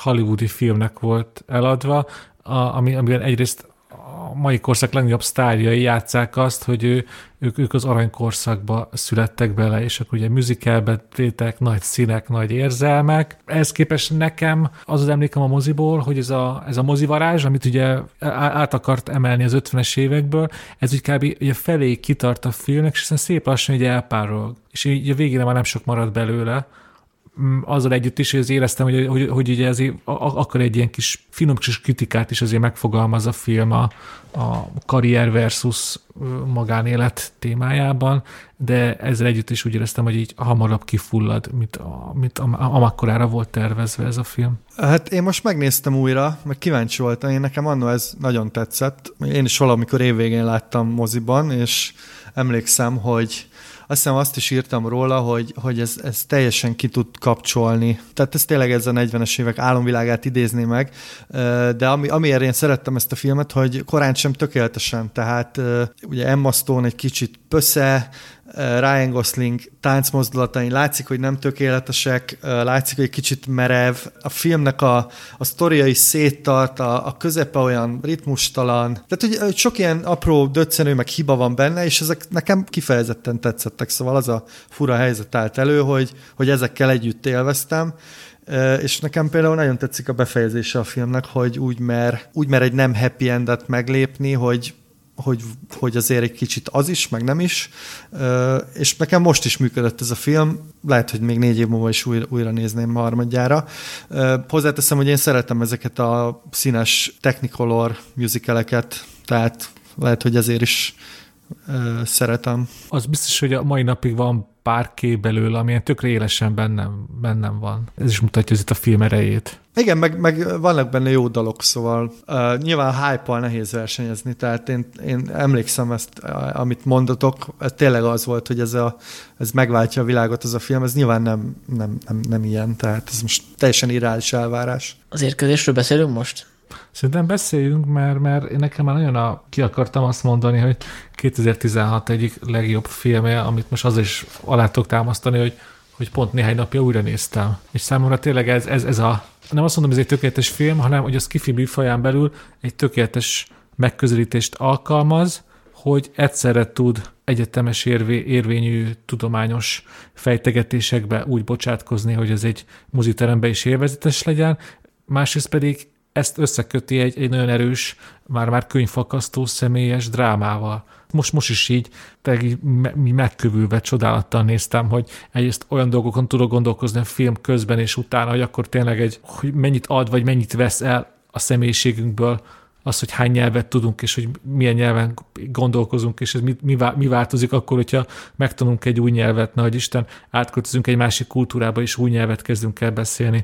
Lász Zoli, és másik pedig ugye ott, ott van egy ilyen, most nem akarok spoileres lenni, egy, egy kibontakozó szerelem, akkor csak ennyit mondok. És ezek, az a kettő együtt szerintem nagyon, tényleg úgy, úgy van összekötve, mint nem tudom, mint egy kalács, hogy természetesen és egymást erősítve. Hát meg van egy harmadik réteg a, az idő Szerintem az is fontos ebben a filmben. Én azért szerettem nagyon, és emlékszem, hogy ez kicsit ilyen megosztó volt a, a kemény vonal a sci rajongók, pont azt hány torgatták fel, legalábbis az én véleménybuborékomban, szóval azt most nem, nem mert én is találkoztam, hogy ő, nekik a vége az már túl, túl csurdult, hogy erre Igen, de hogy én, én pont azt akartam mondani, hogy azért szerettem nagyon ezt a filmet, mert hogy, mert hogy szerintem pont nagyon jó balanszírozik a, az ilyen családi melodráma, vagy az ilyen személyes dráma és a, a, a a szerintem egyébként teljesen hiteles science fiction között. Sőt, ebben tök igazad van, hogy, hogy le is veheted róla ezt a science fiction dolgot, és egyáltalán egy más, más nyelvvel való, vagy más kultúrával való találkozásnak az ilyen alapproblémáit szerintem nagyon, nagyon hatásosan hozza elő. De hát ugye Denis Villeneuve rendezése, aki aki egy nagyon jó rendező, szóval mégis ez annyira nem meglepő. Ezt mindig elmondjuk itt, mert hárman szeretjük a mozit, hogy milyen csodálatos dolgokra készül, képes a mozi, de 2016 előtt például én ezt sose képzeltem volna, hogy egy mozifilm hatására ilyen alapnyelvészeti kérdésekkel fogok elkezdeni tanakodni, vagy emlékszem, emlékszem, hogy konkrétan utána olvastam ennek az elméletnek, amit a film egyik alapja, ugye, hogy az ember gondolkodását is meg tudja változtatni egy új nyelv megtanulása. Ez tökéletes, hogy ezt azt hiszem, hogy egy kicsit már meghaladott elmélet, de tényleg létezik. Milyen szempontból meghaldott? Ez, ez négy éve történt velem, most ebben, ebben nem akarok, nem, nem, nem, nem merek. Én azt gondolom, hogy ez tök alap dolog, tehát hogyha te mondjuk eszkimó vagy, és a hóra van hat különböző szód, akkor az azt jelenti, hogy ez egy tudásod a hóról, meg a, arról. Ja, persze. Igen. A, tehát a, a gondolkodásod arról a témáról az teljesen más, mint akinek csak egy szava van róla, vagy egy sem, mert ő nem ismeri azt, hogy mi az a hó. Tehát szerintem ez egy közhely, nem? hogy a nyelv meghatározza azt, hogy hogy gondolkozol, meg hogy hogy látod a világot. Tehát amiről, azért amire nincs, nem, amiről nincs szavad, nem arra nem tudsz gondolkozni, meg beszélni, nem? Szerintem tök egyértelmű. Ez nem, nem közhelyet, erről szól a maga a nyelvfilozófia, tehát ez egy, ez egy komplett uh, tudományák, hogy, hogy vajon a nyelv határozza meg a gondolkodást, vagy a gondolkodás határozza meg a nyelvet. Ugye ez egy, ez egy ilyen nagyon fontos alapprobléma, ez egy ilyen tyúk vagy tojás. De egyébként szerintem az még fontos ezzel a filmmel kapcsolatban, hogy ez a Ted Chiang nevű novellista, vagy, vagy ilyen, hát ilyen science fiction novellákat író nagyon elismert írónak a, az Életet története című novellájából van. Tehát itt az alapanyag is egy ilyen nagyon nívós valami. És ezt a, akit érdekel az adaptáció folyamata, meg hogy mi változik egy amikor Hollywood írók nekiállnak egy, egy novellának, annak tényleg érdemes ebből a szempontból is elolvasni, mert látszik, hogy mekkora nagy hátteret hozzáadtak. Mert ez egy sokkal kisebb léptékű történet az a novella, és hogy mekkora nagy világot kerítettek köré, tök érdekes összehasonlítani a kettőt. És hát tényleg csak egy ilyen, talán még erre is emlékeztek, ez csak egy érdekesség, ami magyar szempontunkból, ugye, hogy elhangzik Magyarország neve a filmben, méghozzá egy ilyen politikai történeti fejtegetés kapcsán, hogy arról beszélnek, hogy az félő, hogy az idegenek megjelenésével a Földön a különböző államok egymás nyakána fognak esni, és akkor mondják, hogy, hogy erre a, ma- a magyaroknak még külön szavuk is van. Csak emlékszem, hogy erről mi annól még egy külön cikket is írtunk, hogy ez, hogy ez, a, hogy ez a szalámi taktika, amit ugye annó ugye Rákosék alkalmaztak, amikor ugye a kommunista párt szép lassan képítette az egy párt rendszerét, és, és a többi pártot ugye leszalámizta. És tök érdekes, hogy ez így, hogy köszön vissza egy, egy hollywoodi filmben. És ez kiderült, hogy ezt honnan vették? Tehát, hogy volt egy magyar munkatársa a stábban? Ezt nem tudom, ideig nem jutottunk el, hogy ez honnan jött. Biztos, hogy volt magyar, hát mind, minden filmben.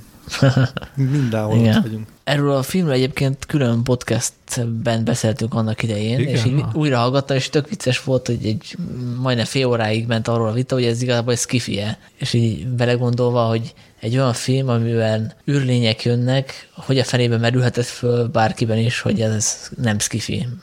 Igen, lehet, hogy most az adás is vezető, mert én most mindig azt mondom, hogy nyelvészeti, nyelvészeti probléma. Ez csak az én érdeklődési köröm, de valójában ugye minden abból indul ki, hogy hogyan tudunk kapcsolatot létesíteni egy űrlényel, aki megérkezik a Földre, és ugye nincs közös nyelv, nincs semmiféle közös múlt. Szóval ezt, nem, kell mindjárt kifi, ez, ez, skifi, ez egész alapprobléma, egy, egy klasszikus skifi ö, dilema. Abban a podcastban egyébként négyen voltunk, és így ö, kettőnknek nagyon tetszett, kettőnknek kevésbé. Zolival mi voltunk a, a plusz oldalon. Én most úgy néztem a filmet, és egy picit kevésbé tetszett. Tehát, hogy a, ami elsőre nem tetszett, az így most másodszorra se. Tehát, hogy a, a végén nagyon el van nyújtva az a melodramatikus rész, amikor már vége kéne, hogy legyen a filmnek, de még megy tovább és tovább. Meg ami nagyon nem tetszett még, hogy túl gyorsan oldódik meg ez a, ez a nyelvészeti kérdés, tehát ugye amikor próbálják megfejteni az- az idegenek nyelvét, és utána ugye ez sikerül, mert hogy az idegenek átadják ezt a tudást a a főhősünknek, és hogy gyakorlatilag mindent megmagyaráznak, bele, belerágnak mindent a, a főszereplő szájába, meg a néző szájába ezáltal, és hogy nekem a, a kevesebb kicsit több lett volna, tehát hogy hagyni egy pici rejtét, ami utána még agyalhatsz, amikor kijössz a moziból, mert itt nincs miről agyalni, amikor vége a filmet, tehát mindent túlságosan megmagyaráznak, tehát egy picit ilyen hollywoodi fordulatot éreztem ebben. Tehát, hogy mint hogyha elkezdenék nézni egy, ö, egy minisorozatot, egy tíz részes minisorozatot, aminek a végére kéne megérteni, hogy miről szól az egész, és még átnyúlik a második évadra is ez a, ez a sztori, és ehhez képest így a nem tudom, 70-80. percben így elmondanak mindent. Tehát, hogy nekem ez egy picit túl hollywoodias volt. Hát azzal finomítanám azt, amit mond- mondasz, hogy tényleg le van kerekítve a dolog, de azért tovább gondolni, ilyen nagyobb kontextusban lehet a dolgot, amiről beszéltünk. Kultúrák találkozása, ugye a fake news, tök érdekes, hogy meg 2016-ban a fake newsnak a, a negatív hatása mennyire ott volt már a filmekben. Én azt hittem, hogy ez csak tényleg az elmúlt egy-két évben jelenik meg, de nem, ez már az érkezésben is ott van. Szóval tök sok mindent tovább lehet gondolni. Maga a történet az, az tényleg olyan, ami, amit, amit az ember így már egész belát, és nincs mind agyalni, hogy ez tényleg úgy történt-e vagy sem. Azt is mondtad, hogy ez egy romantikus történet végül is, meg hogy végül is két ember közt kialakul valami, és nekem ez volt a másik probléma, hogy én nem éreztem azt a kémiát az Amy Adams meg a Jeremy Renner karakterek közt. Tehát, hogy ez ilyen adhok dolog volt, hogy, hogy igen, ki, tudtuk, hogy egy hogy, hogy végül is egymásra kell majd találniuk, de hogy, hogy én ezt nem nagyon éreztem, azt a, azt a szikrát köztük. De ez nyilván ez szubjektív. Mm, ebbe egyetértek, igen. Szóval, a, ami, hogyha igen, egyrészt hiányzott belőle még két-három olyan jelenet, mert emlékszem én jelenetre, amikor ilyen külön ott a füves, talán egy platón beszélgetnek, és ott érződik, hogy van valami személyes kapcsolat is köztük. Ilyen jelenetből még elbírt volna kettőt, hármat a, a film. Viszont akkor azok, akik a skifit hiányolják belőle, és elegük volt a melodrámákból, azok most még hangosabbak lennének. Szóval érződik a filmen ez az egyensúlyozás tényleg, hogy ne menjen a melodráma, a skifi. Ö, Meg talán nem Javára. Jeremy Renner kellett volna erre a szerepre, szerintem. De Jó, ez, ez is- most egy részlet. Jó, e- igen, ez is igaz, az, igen. Szóval a- azt a vak is látja, hogy Amy Adams klasszikussal jobb színész, mint klasszisokkal jobb színész, mint Jeremy Renner. Szerintem ebből a mezőnyből egyébként már, mint a, a legjobb filmes mezőnyből még a, a Hell- Hell or High Water-t érdemes kiemelni. Szerintem az még ilyen maradandó film. A a, a régi város még úgyis beszélünk. De én tökre örültem annól, hogy ezt a filmet jelölték, mert én nagyon-nagyon szerettem. És a, az egyik kedvenc filmem egyébként 2016-ból. Most újra néztem egyébként, és most már annyira nem tetszett, mint elsőre. Néhol ilyen túl, kicsit túl zenéltnek éreztem, de ugye ez egy, ez egy nagyon-nagyon szuper neo, neo-western, elképesztően jó színészekkel. Én is hatalmas, is, hatalmas szerintem. nagy rajongója vagyok. Tényleg, a, akit első ilyen kell említeni színészt, ugye az Jeff Bridges, aki az egyik Texas Ranger-t alakítja, akit hát egyébként az akadémia is jelölt Oscarra, és a, a két, a, a bankrabló testvérpárt Chris Pine játsza, a másikat pedig, ha most, most kell, hogy segítsetek. Ben Foster. Ben Foster, és szerintem, és most, most megnézem a nevét direkt, de ezt nem akkor őt is meg kell említeni, mert a negyedik főszereplő Jeff Bridges Texas Rangerének a kollégája, a hatalmasat alakít a filmbe, aki ugye egy indián, mexikói származású rendőrtisztet alakít, és akit úgy hívnak, hogy Jill Birmingham. Szóval tényleg e- ez a négyes, ez, ez, ez bámulatos, és én is újra néztem, és nekem az, az csapott meg most nagyon, hogy egyrészt ez, ez egy ilyen klasszikus western bankrablós történet, viszont ugye minden westernben van egy főgonosz, aki így kiemelkedik.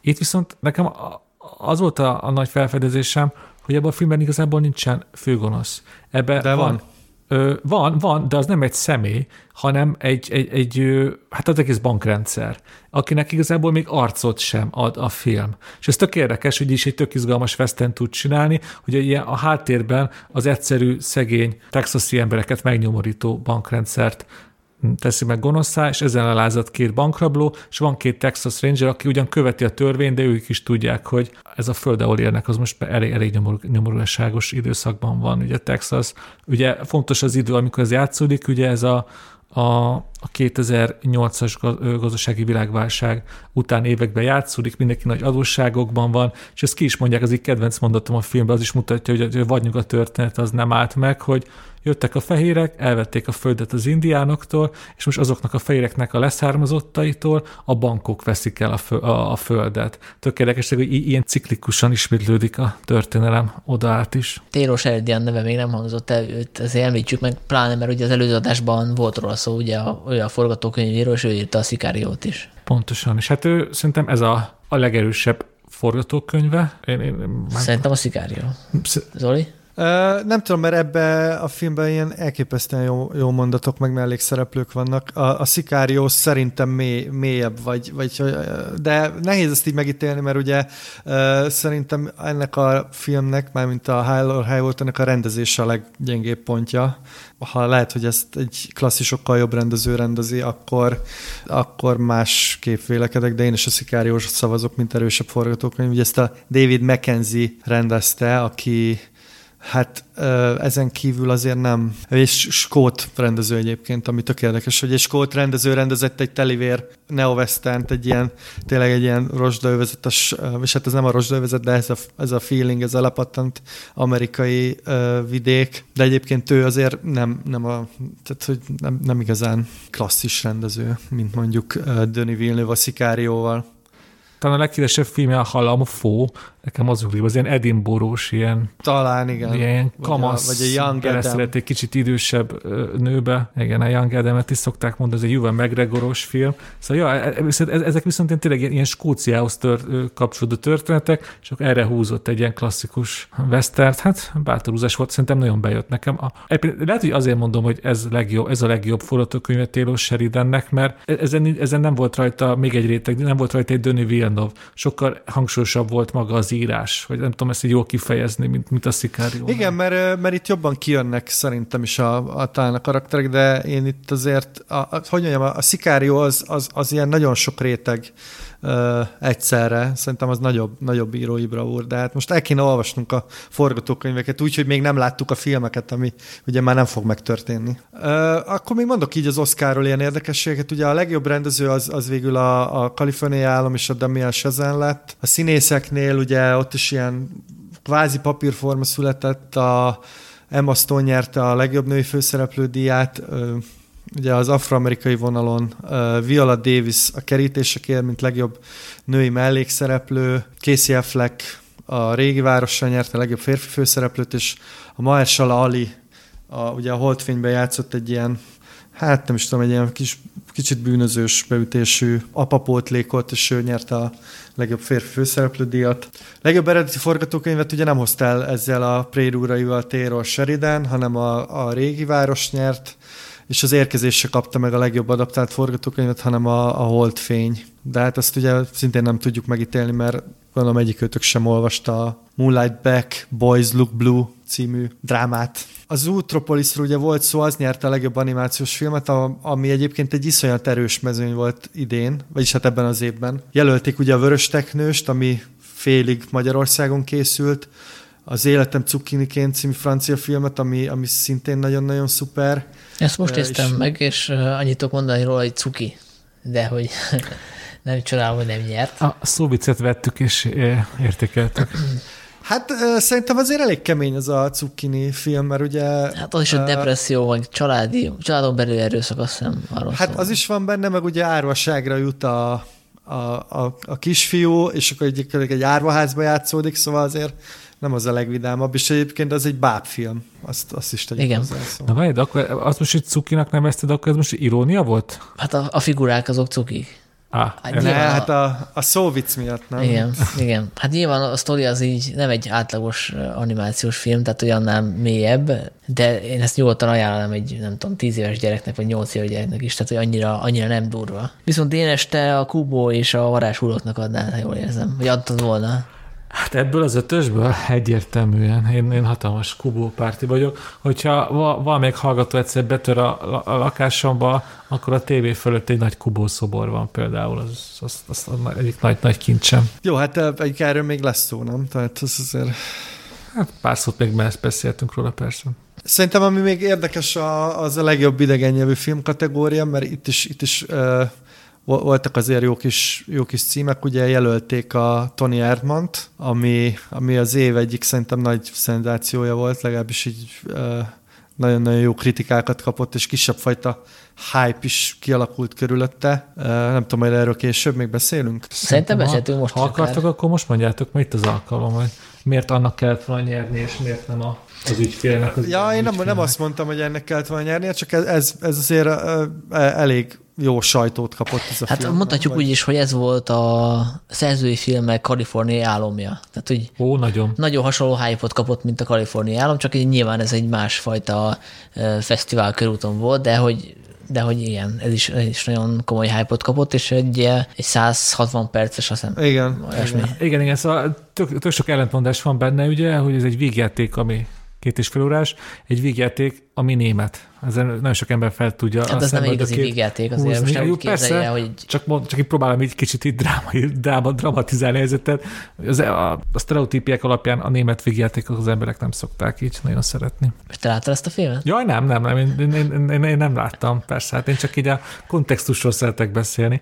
Nekem erről egy elég, hát elég hervasztó történetem van, ugye megbeszéltük, hogy én nem láttam a Deadpool-t, mert csak, és azért éreztem, hogy nekem látnom kell a Tony Erdmant, még ott 2016-ban, ugye körülöttem mindenki erről beszélt. Elkezdtem nézni, és hát vagy írtatos rossz paszban voltam, vagy csak egyszer nem értek a filmművészethez, de én, én, én, én nem tartottam viccesnek, egy idő után így, így vontatottá vált, és fél időbe kapcsoltam, és azóta is így vagyok a Tommy Hermannal, és én érzem, hogy szerintem itt tényleg itt én lehetek a hiba, és nem a film. Hát gyűlnek a strigurák azért, ezt, ezt érzed, tehát ebbe az adásban már ez a, nem tudom, harmadik, negyedik nagy vallomásod. Hát az biztos, hogy a Tony Hermant hamarabb fogom megnézni, mint a Deadpool, ebbe biztos vagyok. Én a Cinefesten láttam, és emlékszem, hogy nem is akartam megnézni, mert hogy ez hétfő este 11-től kezdődött, Júj. és tudtam, hogy 162 perc, és emlékszem, hogy úgy ültem be, hogy majd eljövök olyan éjfél körül, és akkor majd alszom egy jót. Ehhez képest végignéztem, és nagyon szerettem. Úgyhogy szerintem ez a film, ez egy tök jó film. Én is uh,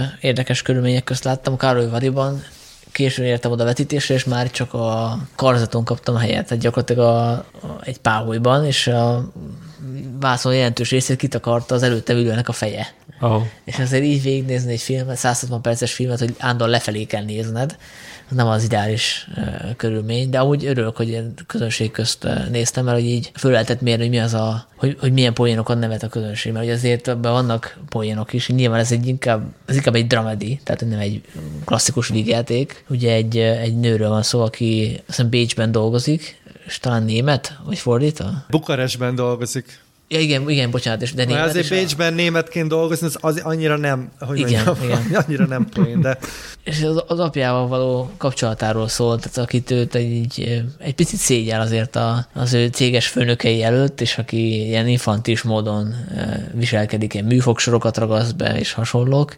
parókát volt. Parókát, igen, igen, igen. Szóval ez egy nagyon-nagyon realista a tempóját illetően, tehát ez a való élet tempóját próbálja visszaadni. És ha már szóba került a Tony Edman, akkor van valaki, akinek talán még nálunk is jobban tetszett ez a film, Pozsonyi Janka, aki többször szerepelt már a Filmvilág podcastjében vendégművészként, és amúgy a Dénes kollégája a filmunál. És ő mondja el, hogy mik voltak a kedvencei 2016-ban. Sziasztok! Na, hát nem volt egyszerű, de sikerült pár darabra leszűkíteni a kedvenc 2016-os bemutatójamat, és arra gondoltam, hogy, hogy csak úgy felsorolásszerűen elhadarok itt néhány címet, aminek mindenképpen az éves toplistában szerintem a helye. Aztán majd kettőt ki is emelek részletesebben. Szóval, amit nagyon szerettem ebből az évből, az a Moonlight, az American Honey, a Patterson, a Jackie, a Lobster, a Bigger Splash és a Certain Women. Remélem, hogy van, vagy lesz róla, róluk szó részletesebben is, valamelyik ötök listájáról. És a két film, amit, amit meg részletesebben kicsit kiemelnék, az egyik az Erneleik Farkaséknál, ugye a Hajdu Szabolcsnak a filmje, ami ugye az első függetlenben készített filmje volt a Déli Báb után, és nem csak azért szuper, szerintem, mert előrevetít egy olyan lehetséges irányt a függetlenségre vágyó, vagy a függetlenségre kényszerülő rendezőknek, hogy így is lehet csinálni ennyi pénzből, ilyen erőforrásokkal, meg ilyen energiákkal. Csodálatos ahogy a magyar közéletet, a közhangulatot mennyire ö, megragadja a családi problémákat, gyereknevelés, pénzügyi, kivándorlási dolgok, mindegy másfél órás filmben olyan csodásan vannak összeválogatva, hogy igen, szükség van szerintem az olyan filmekre, amik ennyire reálisan mutatják be, hogy amúgy milyen országban, milyen hangulatban élünk.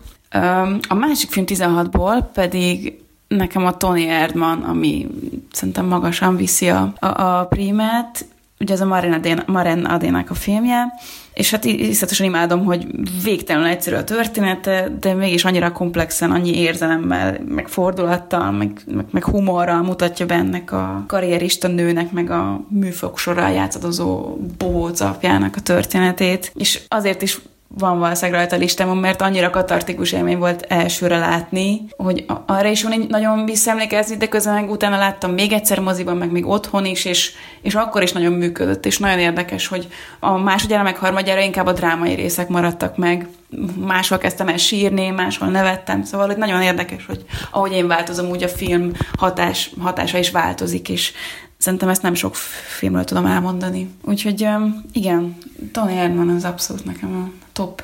Köszönöm szépen a lehetőséget, hogy elmondhattam itt újra, hogy milyen jó film a Tony Erdman.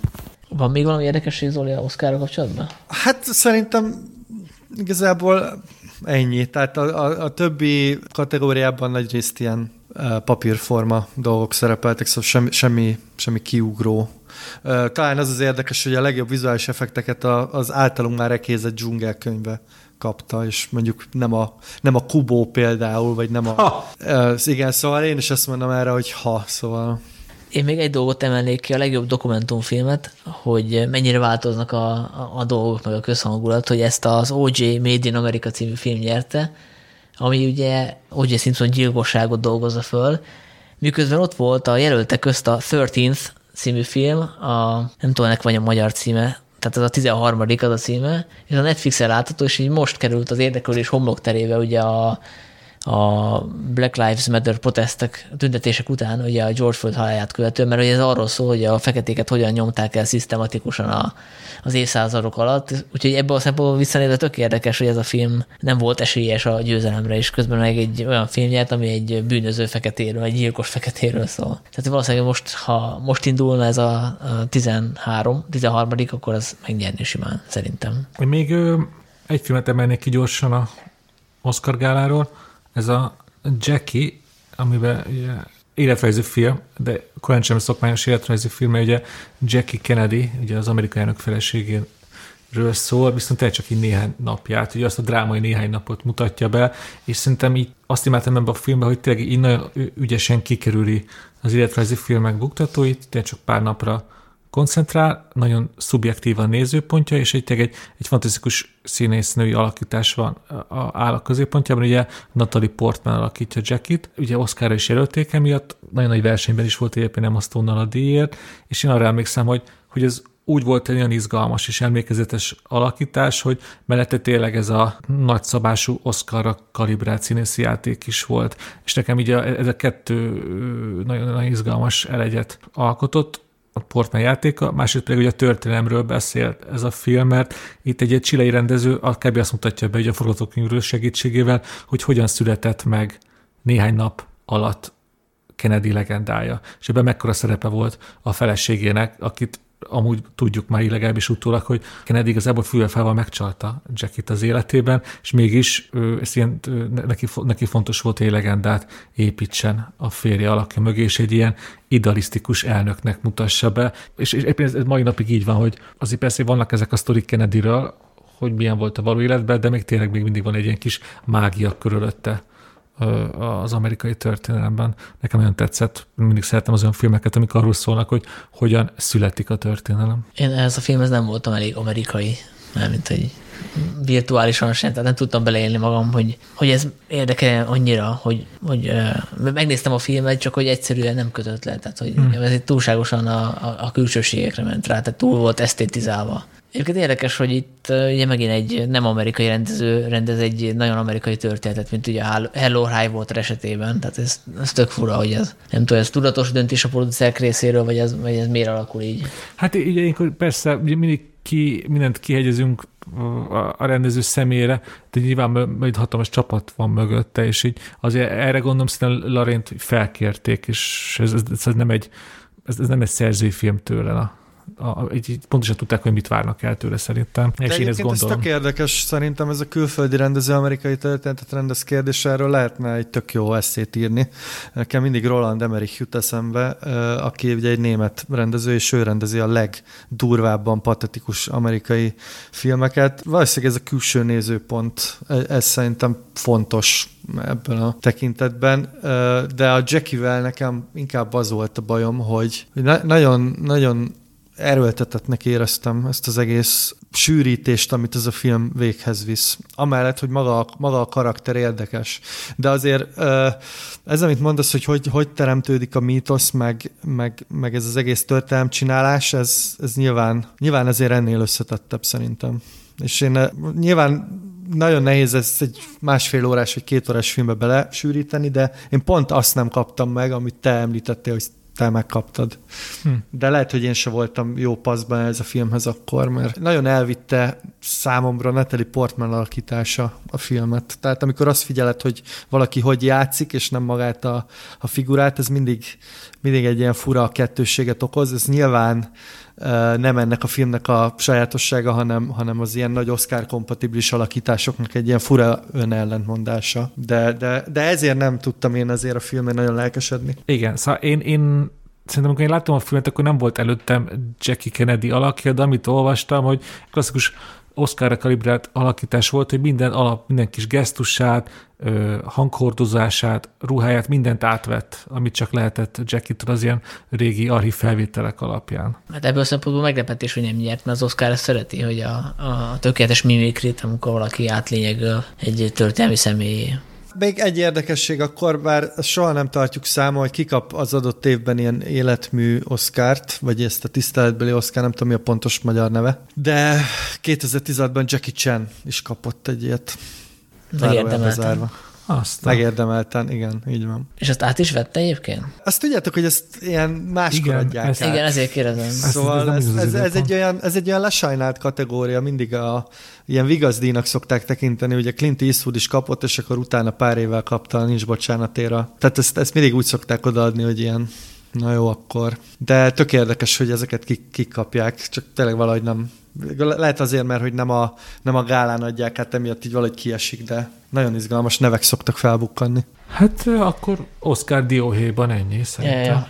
Következő a szokásos rovatunk, a, amikor a személyes toplistáinkat elővesszük, és ez az a rovat, amit Dénes mindig próbál megtorpedozni. Én ezt szabotálom, én nem szeretem ezt a rovatot, és... ö, Szégyelled a korábbi választásaidat. De Dénes amúgy így is kiderül, hogy semmit nem nézel, tehát most Jó, most Azért- bevallom, mert tök érdekes, az én is látom, hogy 2016-ban úgy tűnik, hogy a kötelező filmek közül azért többet is el, hát így Blitzeltem. el, elbicceltem, köszönöm. Igen, azért sem szeretné a Dénes, hogy ezt, erre a rovatra kitérjünk, mert hogy nem akarja, hogy a rendőrök leverjék a vesélyét, amikor a kiárási korlátozások után megy az Igen, utcára. és hogy ez tényleg csak egy poén maradjon, és ne a valóság, ezzel térjünk is rá Zolira, aki hozott egy toplistát ugye nekünk.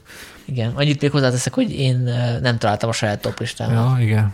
Megette a macska, vagy hogy mondják ezt? Hát azt tudom, hogy fél évkor volt egy fél év összegzőnk, és azt hiszem, hogy évvégi toplistánk a podcastben nem volt, és lehet, hogy elbicceltem a megírását. de volt, nem? Nem volt? Nem volt. Nem volt. Hát akkor mi nagyon kezdők voltunk, és így nem, nem tartottuk a menetrendet. De várjál, amit a Bilsicki Balázsral csináltunk, az, Az fél éves, 2017 fél év, szerintem. Misszi Bisicki Balázsra velem csináltátok nagy okosok, hát ma hallgattam meg Nem, újból. csináltunk egy 2016-os toplistát. Igen, igen, fél éves. évkor, fél évkor. De hát abból szerintem főleg 2015-ös filmek voltak. Ja, Igen, igen. ja, jó, bocsánat, igen, igen. Most félrelőttem. Ugye velem a 2017-es fél éveset csináltátok. Na, de eh, Zoli mondja, hogy mik voltak a listáron. Hát az, hogy hoztam, én csak beírtam a Google-be, hogy filmvilág vlog ö, 2016 Huber Zoltán, és kidobta ezt. Ilyen vicces toplistát csináltam, hogy ilyen hülye kategóriákat találtam ki. Például ilyet, hogy az év nagy, nem az, aminek látszik sóhaja, ez volt a Tony Erdman. Ilyen vicces dolgok. Mit szóltok hozzá? Majd bejátszunk valami rögést. Folytasd, Zoli. A sci kategória a legjobb nem sci ez nyilván irónia, érkezés. Szerepel még az év legszebben csavarodó párbeszédei Hell or High Water. Ó, ez nagyon szép megfogalmazás. A kaliforniai államhoz azt írtam, FAK 2016, avagy a posztvalóság leghatásosabb ellenszéruma. Itt ugye gondolom arra utaltál, hogy a Trumpot ekkor választották meg. Igen, azt akartam mondani, hogy ezt írtam a kaliforniai államhoz, hogyha elegünk van a hírekből, a közéletből, a gyűlöletből és szorongásból. És ő Brexit is ekkor volt. Igen, és hogy tök, tök izgalmas, hogy mint én azt hittem, hogy ez, ez egy ilyen újabb fejlemény, de ezek szerint már 2016-ban is ugyanolyan nyomorultól éreztem magam, mint most. Vicces. Na, de mondok egy pár érdekes címet akkor. A, az egyik, amit felírtam ide, a Nick Cave-nek az gyászfilmje, a One More Time with Feeling, ami 3D-s uh, dokumentumfilm, ami önmagában is szerintem egy elég kuriózum.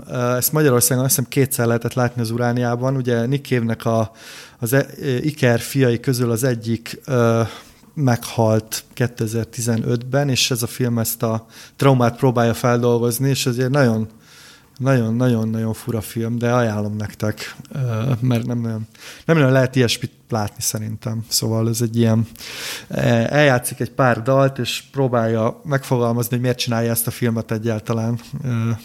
Egy ilyen nagyon nehéz témát próbál megfogni, és szerintem, szerintem nagyon, nagyon érdekes. A másik, ami szerintem fontos film 2016-ból, amire azt írtam, hogy a sötétben tapogatózás Audrey Hepburn emlékdíja, ez a Vak Sötét, amit... Ez nem szellemes volt, ez tetszik tőle.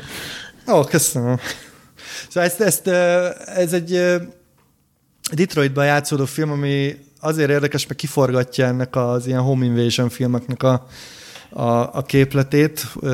Betörnek egy Ilyen fiatalok betörnek egy házba a könnyű zsákmány reményében, csak hogy a, az ott élő vakember az egyrészt egy veterán, másképp, másrészt rájuk kapcsolja a villanyt, és nyilván a, a sötétben a, ugye a vakok között a félszemű a király, de a sötétben a vak a, A császár. és a császár, és ebben a filmben egyébként szerepel Törőcsik Franciska is. És ezt a filmet egyébként én újra néztem egyszer, és még mindig működik, bár nyilván elsőre üt igazán.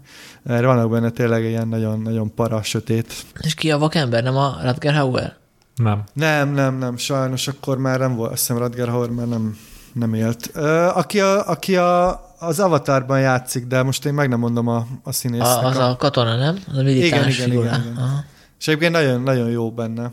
Az év hintába ültetése, ez a Wailing nevű dél, című dél-koreai horrorfilm volt, ami, amin egyébként gondolkoztam is, hogy ezt hozom ilyen kedvenc filmnek, mert ez egy szerintem egy nagyon-nagyon izgalmas horrorfilm, és vagy hát nem is tudom, hogy mennyire, mennyire horror, mert van benne ilyen ördögűzés, meg, meg démonok, meg igen, de hogy, de hogy van benne, van benne krimiszális, van benne egy kis melodráma, van benne ilyen kis moralitás probléma, de arra emlékszem, hogy ez, ez több ponton is nagyon-nagyon meg tudott lepni. Nem Igen, igen. Én arra emlékszem, hogy engem a- a végére teljesen kicsinált, és pontosan azért, amit már ti is pedzegettetek, hogy, hogy így nagyon ilyen, hát ilyen, ilyen majdnem, hogy észrevétlenül kúszik be a horror szál, meg a természet felettiség, és nem várod. Tökéletes az egész, hogy, hogy így szépesen szembesülsz azzal, hogy itt, a, hogy itt se a rendőrnek, se senkinek is semmi esélye nincsen, mert egy olyan erővel küzd igazából. Szóval Ja, ez, ez, ez a két emlékem van, hogy így ki- kikészített, a teljes reménytelensége, és egy hatalmasat vitatkoztam egyik ismerősömmel, hogy miről szól valójában ez a film, meg hogy mi, mi, mi történt valójában ebben a filmben, mert azért ezt tudni kell, hogy ezt szerintem így első nézésre szerintem nagyon nehéz átlátni az egészet, és ezt azzal is tudom bizonyítani, hogy például YouTube-on vannak ilyen több perces magyarázó videók. Én al- alapból nem szeretem az, egy film kapcsán ilyen magyarázó videókat nézni, de emlékszem a Véningnél, én elég, elég keményen rámentem ezekre, hogy, hogy így tényleg így lássam, értsem, hogy mit is láttam én most.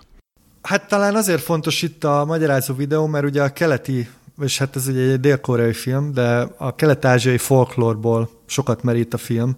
Ugye vannak benne ilyen démonok, nem tudom, ilyen boszorkány, különféle szellemek, és én megnéztem ilyen, én is néztem ilyen magyarázó videókat, és, és úgy azért, hogyha ezeket így ismered, ezeket a referenciákat, akkor, akkor nyilván egy más jelentés rétege is van a filmnek, de szerintem anélkül is nagyon-nagyon élvezetes. Hát igen, és éppen pont ezért csinálják ki az európai nézőt, mert egyszerűen idegesíti, frusztrálja, hogy nem látja át, hogy mi, mi ez, mert amikor látunk nem tudom, egy brit vagy egy amerikai szellemtörténetet, ott valamiért ezek a szellemek sokkal értelmezhetőbbek számunkra, mint egy, dél-koreai boszorkány, és hát pont ezért egy, egy teljesen más számunkra idegen kultúra. És ez is egy majdnem 160 perces film. Ó, igen. Tehát ez is Igen. Azért megviseli az ember szerintem a végére, mert úgy épül föl, hogy tényleg egy ilyen realista folklór film, amiben apránként jönnek be a műfai szálak, és amikor bejön a végén, azért az nagyon erős, tehát az Nagyon. egy Hú, ilyen hú, katartikus. Ez, ez az a film, ami, ami nem tudom, a Roman Polanski látta, de neki tetszene szerintem, mert egy kicsit vagy a Rosemary Gonosz. Baby-re hajozott Igen. Azt tetszik, amit mondasz, mert ez egy kifejezetten gonosz film, ami így, így de érződik bele, hogy így, hogy így élvezi kicsinálni a nézőjét, hogy így gonoszkodhat vele. szándékosan arra megy rá, hogy ami, ami ilyen be, amit itt elvársz, meg ilyen sablonokat hozol, azokat ilyen, élve, ilyen vigyorral a képén így széttapossa. Az, az. És én az ilyesmit nagyon szeretem. Akkor még mondok a listámról a szórakoztató trash külön díját a Támadás a Fehérház ellen 2 London ostroma kapta, amit én nagyon nagyon-nagyon szeretek. Mindenkinek ajánlom, aki agyatlan kikapcsolódásra vágyik. Jobb, mint az első rész? Hát sokkal. Hát ízlelgesd ezt a címet, hogy Támadás a Fehérház ellen 2 London ostroma. Tehát ez, ez már összefoglalja ezt az egész. Eredeti cím mi volt? Az eredeti cím az az, hogy London has fallen. Tehát itt Hát a az magyar... kevésbé izgalmas. Ez kevésbé izgalmas, de hát itt a teljes nyugati, nem tudom, a G8 miniszterei vannak veszélyben, úgyhogy ez nagyon szuper film. És akkor még egyet mondok, de ezzel szerintem át is vezetünk egy másik rovatunkba. Ez a Lakáskultúra 2016 diát az Ernelláék Farkaséknál kapta. Amit én majdnem hoztam, mint kedvenc filmet, mert tényleg nagyon, nagyon szerettem, és szintén Károly Variban láttam ezt a filmet, és tök érdekes volt ilyen nemzetközi közönséggel, nemzetközi kritikusokkal együtt nézni, és, és hogy megtapasztalni, hogy ők is nevetnek olyan poénokon, amiket így azt gondolnám, hogy csak magyarok értenek, vagy, vagy hogy ilyen specifikusan a magyar helyzetre reflektáló poénok, és hogy más nem nagyon értett, és ehhez képest így értette, és aztán valami díjat is kapott, ugye? Hát, sőt, fődíjat, Fődíjat. a Kristályglóbuszt. Igen. Valami. valami díjat. Jó, hát nem egy aranypálma, csak egy kristályglóbusz. Hát a, igen, a, a sarki gíroszos hozzácsapott, igen, egy Igen. valamit. És ugye ez a film gyakorlatilag fillérekből készült, úgyhogy a Magyar Nemzeti Film Alap, ami ugye akkor volt a fő pénzosztó szervezet, az nem támogatta, és akkor azt mondta a Hajdu Szabolcs, hogy oké, okay, akkor én csinálok egy filmet a Hát konkrétan a saját hát, lakásában. A saját lakásában, a saját családommal, mert ugye a főszereplő, a főszereplők azok a családtagjai, plusz még, még egy család, tehát négy, négy színész, nem? Tehát a saját család négy, négy plusz színész. négy színész. Igen, igen, igen. És azért is lett volna érdekes végignézni, újra nézni ezt a filmet, mert hogy ugye azóta a töröki és Orsolya és a, a Hajdúszabolcs útjai elváltak, ugye ők a házaspár, és hogy azért ennek a gyökerei benne vannak, ennek a konfliktusnak a, a, a történetben, tehát ők földolgozzák ezt. Bár lehet, hogy ezt csak így utólag magyarázzuk bele. Nem, nem, szerintem ez nem belemagyarázás. Szerintem benne, szóval nyilvánvalóan nagyon sok minden az ő saját életükből fakad, és valahogy így megjelenik. Ugye az a házastársi, házastársi feszültség, ami ott van végig a történetben. Nem akarok kipszichologizálni, de én, én, én látom a kapcsolatot. Érteni vélem, látni vélem. Hát én egyébként nagyon szerencsés vagyok, mert hogy én ezt Hajdú Szabolcsék lakásán láttam ezt a filmet. Ugye nem tudom, emlékeztek ennek ilyen alternatív for- forgalmazása volt, hogy lehetett ilyen lakásokban nézni, és azt hiszem, Sanyi, te nem értél rá, vagy valami ilyesmi volt, és én beugrottam helyetted, és ott a Hajdú Szabolcs elmondta, hogy neki tényleg van egy olyan füzete, mint ami a filmben is van. Lehet, hogy ő tényleg felírogat ilyen más emberek mondásait. Úgyhogy ez hogy, ez, hogy való élet van benne, meg ilyen valódi élmények, ez nyilván teljesül. És én most újra néztem. Sőt, én egyébként a színdarabot is láttam, szóval én ilyen kemény, kemény vonalas, feketeöves, elnáláig farkaséknál ö, értő vagyok. És tényleg, tényleg, tényleg az, azt hiszem az ő ebben a filmben, hogy nagyon, nagyon sok témát boncolgat egyszerre, úgyhogy közben ilyen nagyon egységben van, és közben még minimalista is.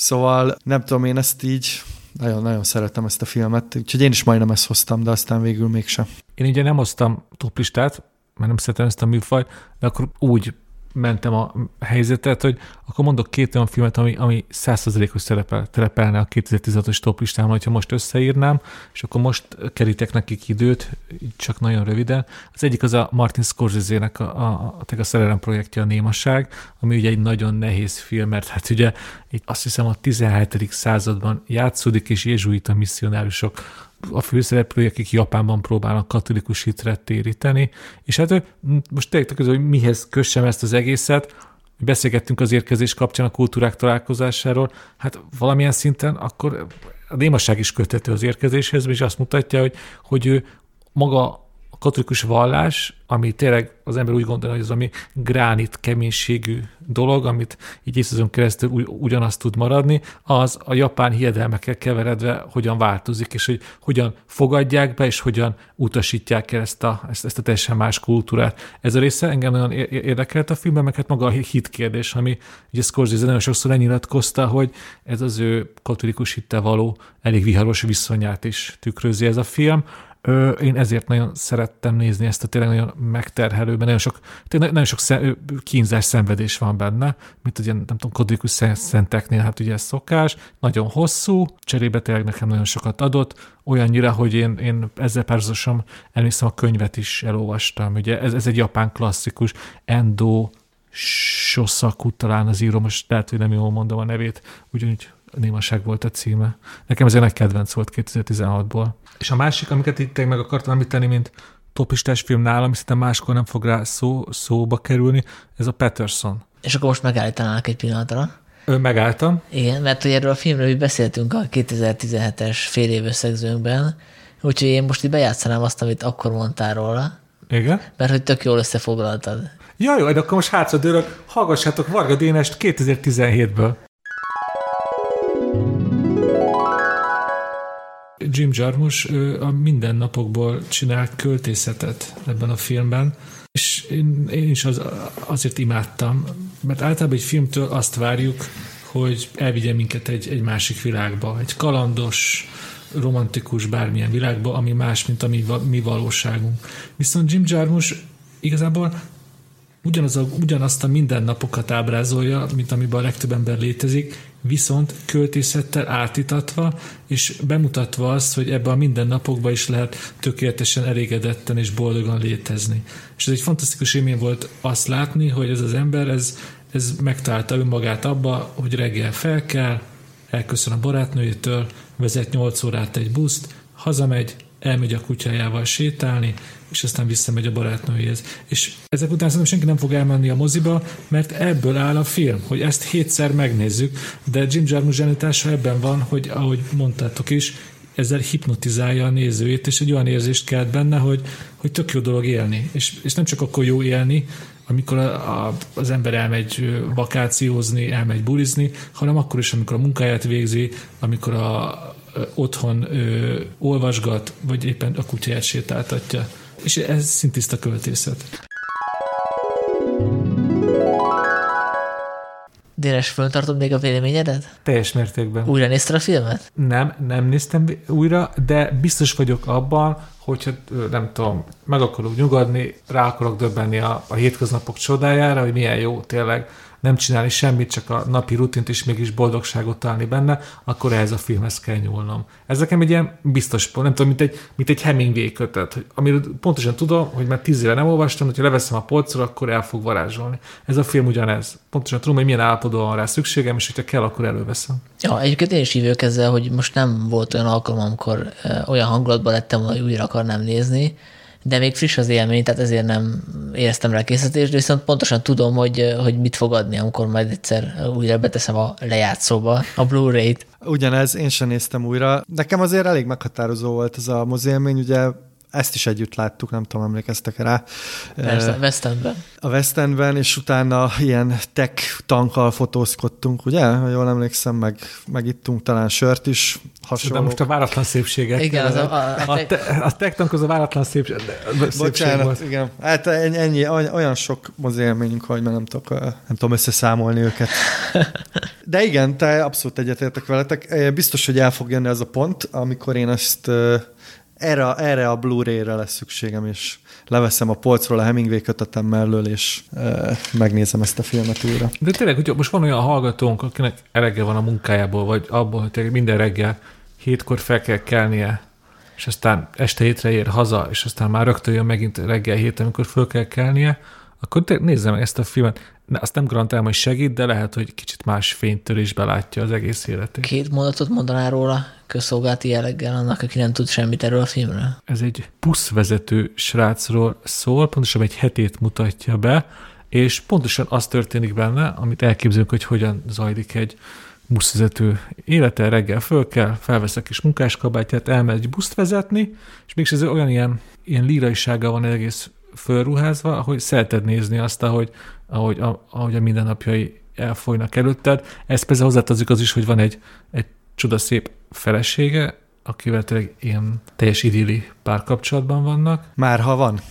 Már igen, ugye ez is egy fontos kérdés a filmnek, hogy lehet úgy is értelmezni, hogy a, hogy a feleség az igazából csak a férfi képzeletében létezik. És plusz még, ami ad, talán egy ilyen kis elvontságot a filmnek, hogy a buszvezető egy önjelölt költő, aki szabad idejében verseket farag. Igen, és amikor a a verseit költi, az megjelenik a, sokszor a vásznon is, tehát hogy látjuk, ahogy megszületik a fejében a vers, megszületnek a fejében a mondatok, szavak, és azok így kiíródnak a, a vászonra.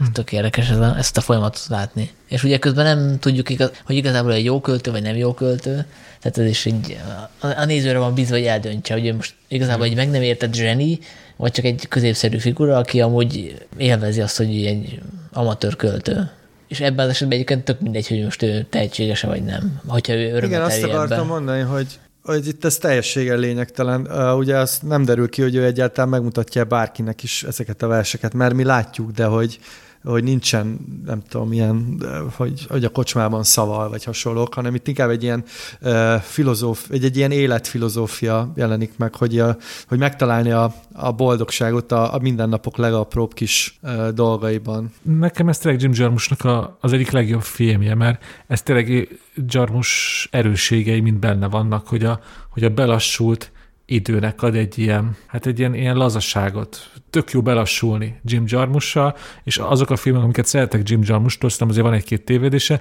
ott el tudja érni azt, hogy, hogy együtt belassuljak vele, és egy ilyen kicsit olyan, olyan bódult, zen. igen, zen, ez a legjobb szó, olyan, olyan ilyen kis bódult zenbe átvigyen. És ez, ez a Pattersonnál 120 százalékosan teljesül. Akkor elérkeztünk utolsó előtti rovatunkhoz, amikor mindenki hoz egy kedvenc filmet az adott évből, amit a többiek jó esetben újra néztek, és úgy döntöttünk, hogy most a három filmből a legkevésbé depresszívet veszük előre, és utána következnek a még keményebb, még depresszívebb filmek. Ennek a logikának a nyomán Dénes az, aki elsőként ismerteti a egyik kedvenc filmét 2016-ból. Mielőtt kimondanám a címét, azért hagyd mondjam el, hogy amire már az adás elején is céloztam, tök sok film felkerült arra a képzetbeli papírra, mint kedvenc 2016-os film, és ezeket nem mind említettük, ezért csak még egyszer elmondom, hogy mikből válogattam. Hello High Water, Némaság és Peterson. És igazából ezeket azért vetettem el, mert legalábbis a némaságról, meg a Petersonról már egy másik podcastban is tök sokat beszéltünk. A Hello Highwater tudtam, hogy az Roynak is kedvence, hogy ő is sokat fog róla beszélni, ezért inkább gondoltam, húzok egy meglepőt, és hozok egy animációs filmet, mert azért szerintem ritkán van az, hogy itt valaki kedven, egy, egy kedvenc, kedvenceként emleget egy animációs filmet, és ezért hoztam én a Kubo és a varázshúrok című alkotást. Ha pislognod kell, most pislog!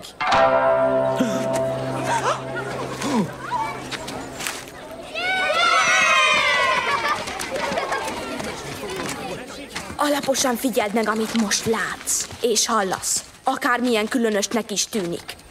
Előre szólok. Ha mással babrálsz, másfelé nézel, ha egy sort is elfelejtesz a meséből, akár egy pillanatra, akkor a hős biztosan odavész. És miért hoztam ezt?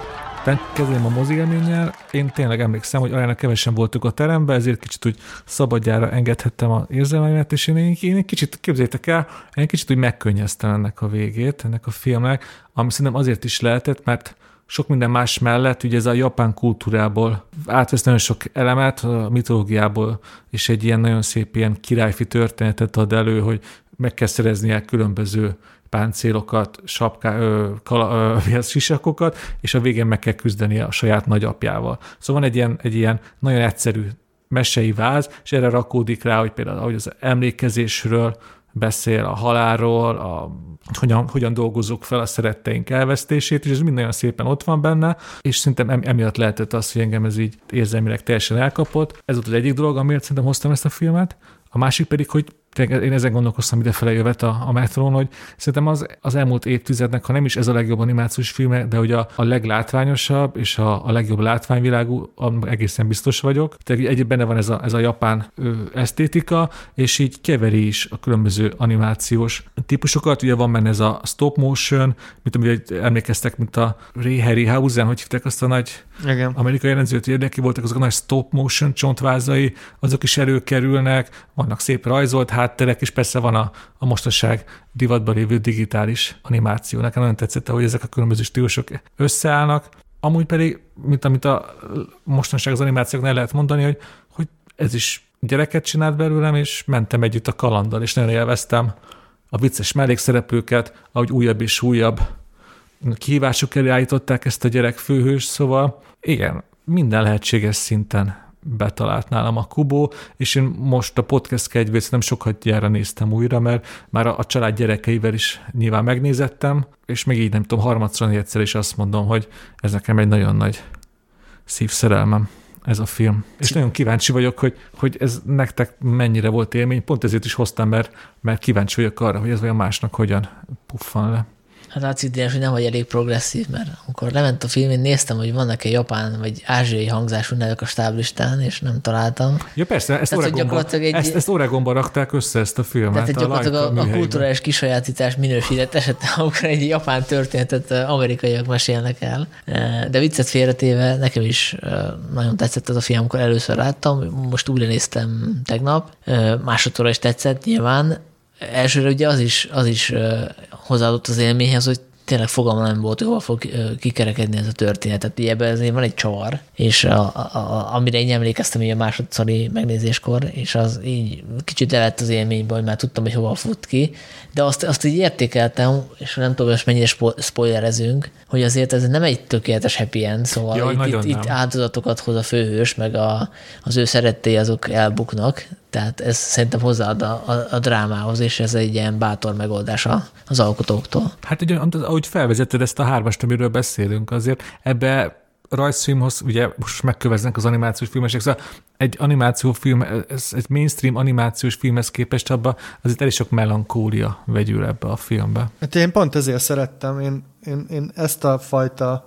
történetmesélést, meg ezt a fajta mesélyi stílust jobban szeretem, mint a, mint a Disney-féle ilyen húra optimizmus. Most ez nyilván ezzel egy kicsit van fogalmazok, mert ez nem minden Disney filmre igaz, de, de ez, egy, ez egy nagyon szép mese. Tehát maga, maga az alaptörténet, az egy ilyen klasszikus mese, ugye a kisfiúval, akinek mindenféle akadályokon kell keresztül menni, és, és igazából szerintem ez, ez egy teljes, teljesen drámai történet, de ezzel együtt nagyon, nagyon hatásos, és tényleg, tényleg ilyen lenyűgözően szép maga a film. Tehát a, a megvalósítása, én imádtam ezeket az origámis megoldásokat, ugye a, a szereplő egy életre tud kelteni ilyen papírfigurákat, és, és azok nagyon, nagyon, nagyon látványosak. Én most láttam harmadjára, és mindig nagyon-nagyon tetszik. Úgyhogy jó, hogy ezt hoztad. Na, örülök neki.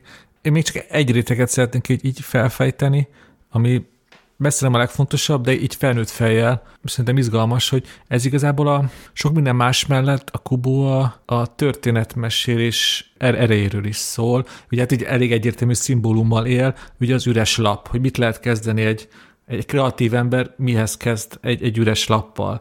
Ez visszatérő elem benne, hogy Kubo varázslatával, amit ugye lefordítva a mi világunkra, ami, a, a mi kreatív energiánk milyen nagy csodákra képesek. Ugye Kubo különféle or, or, origamikat csinál az üres labból, egy, egy író, egy, egy mesélő pedig olyan történeteket tud össze, összerakni, ami ugye akár meg is tudja változtatni egy ember életét. Ez így tök benne, tök szépen végigvonul ez a motivum benne, hogy milyen a hatalmas ereje lehet egy, egy jól kitalált és jól elmesélt történetnek, amilyen egyébként a, a Kubo, Szóval ez, ez, ez, egy, egyébként ez egy bátor dolog volt a film részéről, hogy arról beszéljünk, hogy milyen nagy ereje van a történetnek, mert akkor viszont magának a Kubó történetének is legalább erősnek kellett lennie, és ezt megcsinálta egyébként, hogy, hogy így azt példázza, hogy igenis van ereje. De szerintem ez fontos, hogy a, ezt a Kubót úgy is lehet nézni, hogy a kisfiú valójában nem tehát, hogy ez a kisfiú fantáziájában zajlik le ez az egész történet, mert ugye tök fontos elem szerintem az például, hogy a, a sisak az, az ott van a, gyakorlatilag minden ott van a faluban, tehát, hogy ezt úgy is nézheted, hogy ő nem mozdul ki valójában hm. onnan, csak ezt az egészet elképzeli, és nyilván erről szól minden mese, hogy, hogy mentálisan élszált kalandokat, uh, ugye ezért mesélünk a gyerekeknek, hogy, hogy különféle történeteken keresztül szembesüljenek mindenféle izgalmas kérdésekkel, és a Kubo ezt szerintem nagyon jó példázza. Úgyhogy én azért, szóval én biztos, hogy például ezt a mesét mutatnám meg egy, egy gyereknek, és mondjuk nem a, nem a, nem tudom, a zútrópiát. Egy fontos motivum ebben, hogy a, a főgonosz, és akkor ez egy pici spoiler, hogy őt hogy megkapja a megváltás esélyét. Tehát azt üzeni a film, hogy még a legelvetemültebb embernek is lehet adni egy második esélyt. Mondjuk ehhez kell az, hogy amnéziás legyen, és akkor utána be lehet programozni azt, hogy ő egy jó ember igazából. Tehát, hogy ez, ez is egy ilyen érdekes ö, ö, csavar a végén gyakorlatilag, hogy a, a Kubo azzal az emberrel marad együtt, aki elvileg a fő ellensége. Hát igen, szerintem a vége az még egy nyolc éves gyerek számára értelmezhetetlen, egzisztencialista csavar, hogy, hogy mit tesz minket emberi az emlékeink, akkor vegyük el az emlékeinket, és akkor leszünk egy más emberek. Szóval ez tök érdekes, hogy ez a vége, amit így megmertek lépni. Ezt nem, tudom, hogy egy, hogyha ezt megnézem egy nyolc éves gyerekkel, és rákérdezne, hogy, hogy de, de, de Dénes, mi történik a film végén, magyarázd el, akkor ezt így el tudnám. Ezt igazából kíváncsi vagyok, tök, tök érdekes próba lenne, hogy, hogy vajon ezt hány éves kortól lehet a maga teljességében visszaadni ennek a filmnek a végét. Hát valószínűleg nem egy nyolc éves gyereknek való ez a film. Igen. A technikára még kitérnék egy kicsit, mert ez úgy néz ki, mint egy ilyen hagyományos stop motion film, de aztán utána kiderül a, a vége főcím után, hogy ez egy CGI film, de közben mégis építettek maketteket, például van egy ilyen nagy csontvás Igen, szóval ezt nem, ért, nem értettem, hogy miért kell azt a csontvás megépíteni, hogyha a filmnek a nagyon nagy része úgyis CGI. Hát mert kicsit azért máshogy néz ki. Én, én erre gondolok, hogy, hogy ezért ez több, mint egy tiszteletadás. Gondolom abból indultak ki, hogy hogyha megépítik azt a csontvázat, és stop motion állítják elő azt az animációt, akkor az annak kicsit más hatása lesz. És szerintem más hatása is van, van valamiféle ilyen anyagszerűsége.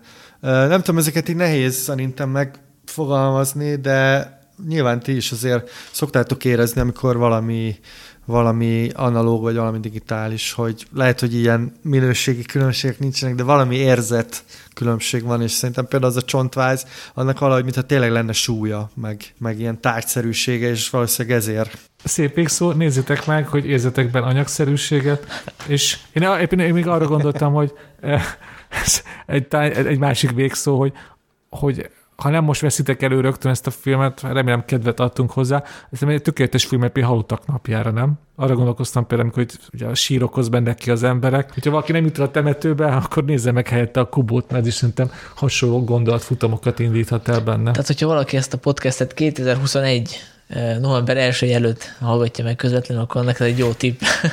igen, igen, most, igen, igen, igazad van. Most én úgy adtam tippet, hogy most nem tudom, 362 nap múlva mit csináljatok. Hát figyeljetek, igen, igen. És akkor jön a második film, ami egy fokkal depresszívebb. Mint a Kubo. Igen. You're so... You really are so wonderful, and you're just so sensitive and romantic and weak. Wait, what? Yeah. No, I did not say that you were no, you weak. Said it, you said it so I did not before. call you weak. You said it before, so I want to say it again. Weak. I did not say you were weak. I did not say you were weak. Do you love me? That's not the point. No, that is the point. No, it is not. That is the point. That is not the you didn't point. answer me. Yes, I love you. But when you love someone, you work it out. You don't just throw it away. You have to be careful with it. You might never get it again. I can't do this with you anymore, Edward. I just can't keep doing this. Susan. You can't just walk away from things all the time. Ez az Éjszakai Ragadozók, a Nocturnal Animals című film, ami uh, Tom Ford második rendezése, akiről azt kell tudni, hogy ő egyébként egy rendkívül sikeres divattervező, és ez a film, ez tulajdonképpen egy dupla történet, ugye egyrészt van egy női főhőse, aki elkezd olvasni egy regényt, amit a volt férje ír, és ez a regény is megelevenedik előttünk. Én ennél többet így a, a sztoriról magáról nem akarok nagyon mondani, mert szerintem pont az az izgalmas ebben a filmben, hogy nagyon-nagyon sok rétege van, és azért hoztam végül ezt a filmet, mert most újra néztem, nekem elsőre is nagyon tetszett, és már akkor ilyen ö, elég sokat gondolkoztam rajta, és most másodjára, mint hogyha egy teljesen másik filmet láttam volna, valószínűleg azért mert más dolgok érdekelnek, mint négy éve, de teljesen más rétegét fedeztem fel ennek a filmnek, és azt legalább annyira izgalmasnak találtam. Ez a film szerintem egyszerre nézhető ilyen műfai filmként, mert hogy van benne egy kis krimi, egy kis ilyen rural thriller, van benne némi Hitchcock, közben az amerikai kulturális elitet is megfricskázza, és egyébként gyönyörűen néz ki végig a film. Ö, engem kicsit emlékeztetett Jonathan Glazer filmjeire, mert van benne egy ilyen alapvető ridegség is, és közben ez a két történet, ami így kibontakozik előttünk, ez folyamatosan egymásba játszik, és, és nagyon izgalmas interakcióba kerül. Kiválóak egyébként a, a színészek benne, Amy Adams játsza a, a főhős nőt, de felbukkan benne Michael Shannon, vagy Jake Gyllenhaal, és nekem még egy külön élmény volt, hogy amikor én ezt a filmet láttam a Mamutban, egy ilyen egész késői vetítésen, akkor szerintem a rendező neve miatt ilyen Michael Kors táskás arcok jöttek be, akik szerintem valami thrillert vártak, és nagyon sokan kimentek a film alatt. Vagy úgy láttam, hogy nem nagyon tudnak vele mit kezdeni, amikor így, így folyamatosan váltogatott a film, és, és olyan, olyan nem, nem teljesen az elvártaknak megfelelően alakult, és szerintem ez azt jelzi, hogy ez egy kifejezetten provokatív film. Úgyhogy szerintem ez ez egy nagyon biztos, hogy még újra fogom nézni, hát nem is a közeljövőben, de később, mert, mert tényleg nagyon-nagyon szeretem. Zoli, ezt is szeretném megköszönni neked, hogy ezt hoztad. Nekem nagyon egy élmény volt újra nézni. Nekem is, ahogy hasonlóan gondolkozok róla, így másodjára még jobban szeretem, úgyhogy már elsőre is szerintem teljesen szíven talált. Sok mindent szeretek benne. Talán ami a legizgalmasabb volt számomra, hogy milyen hatást keltett, ugye, hogy te is mondtad, hogy két párhuzamos történet vonul benne végig, ugye a valóság és a fikció, és hogy milyen hatással van a kettő egymásra, ez, ez nagyon, nagyon izgalmas.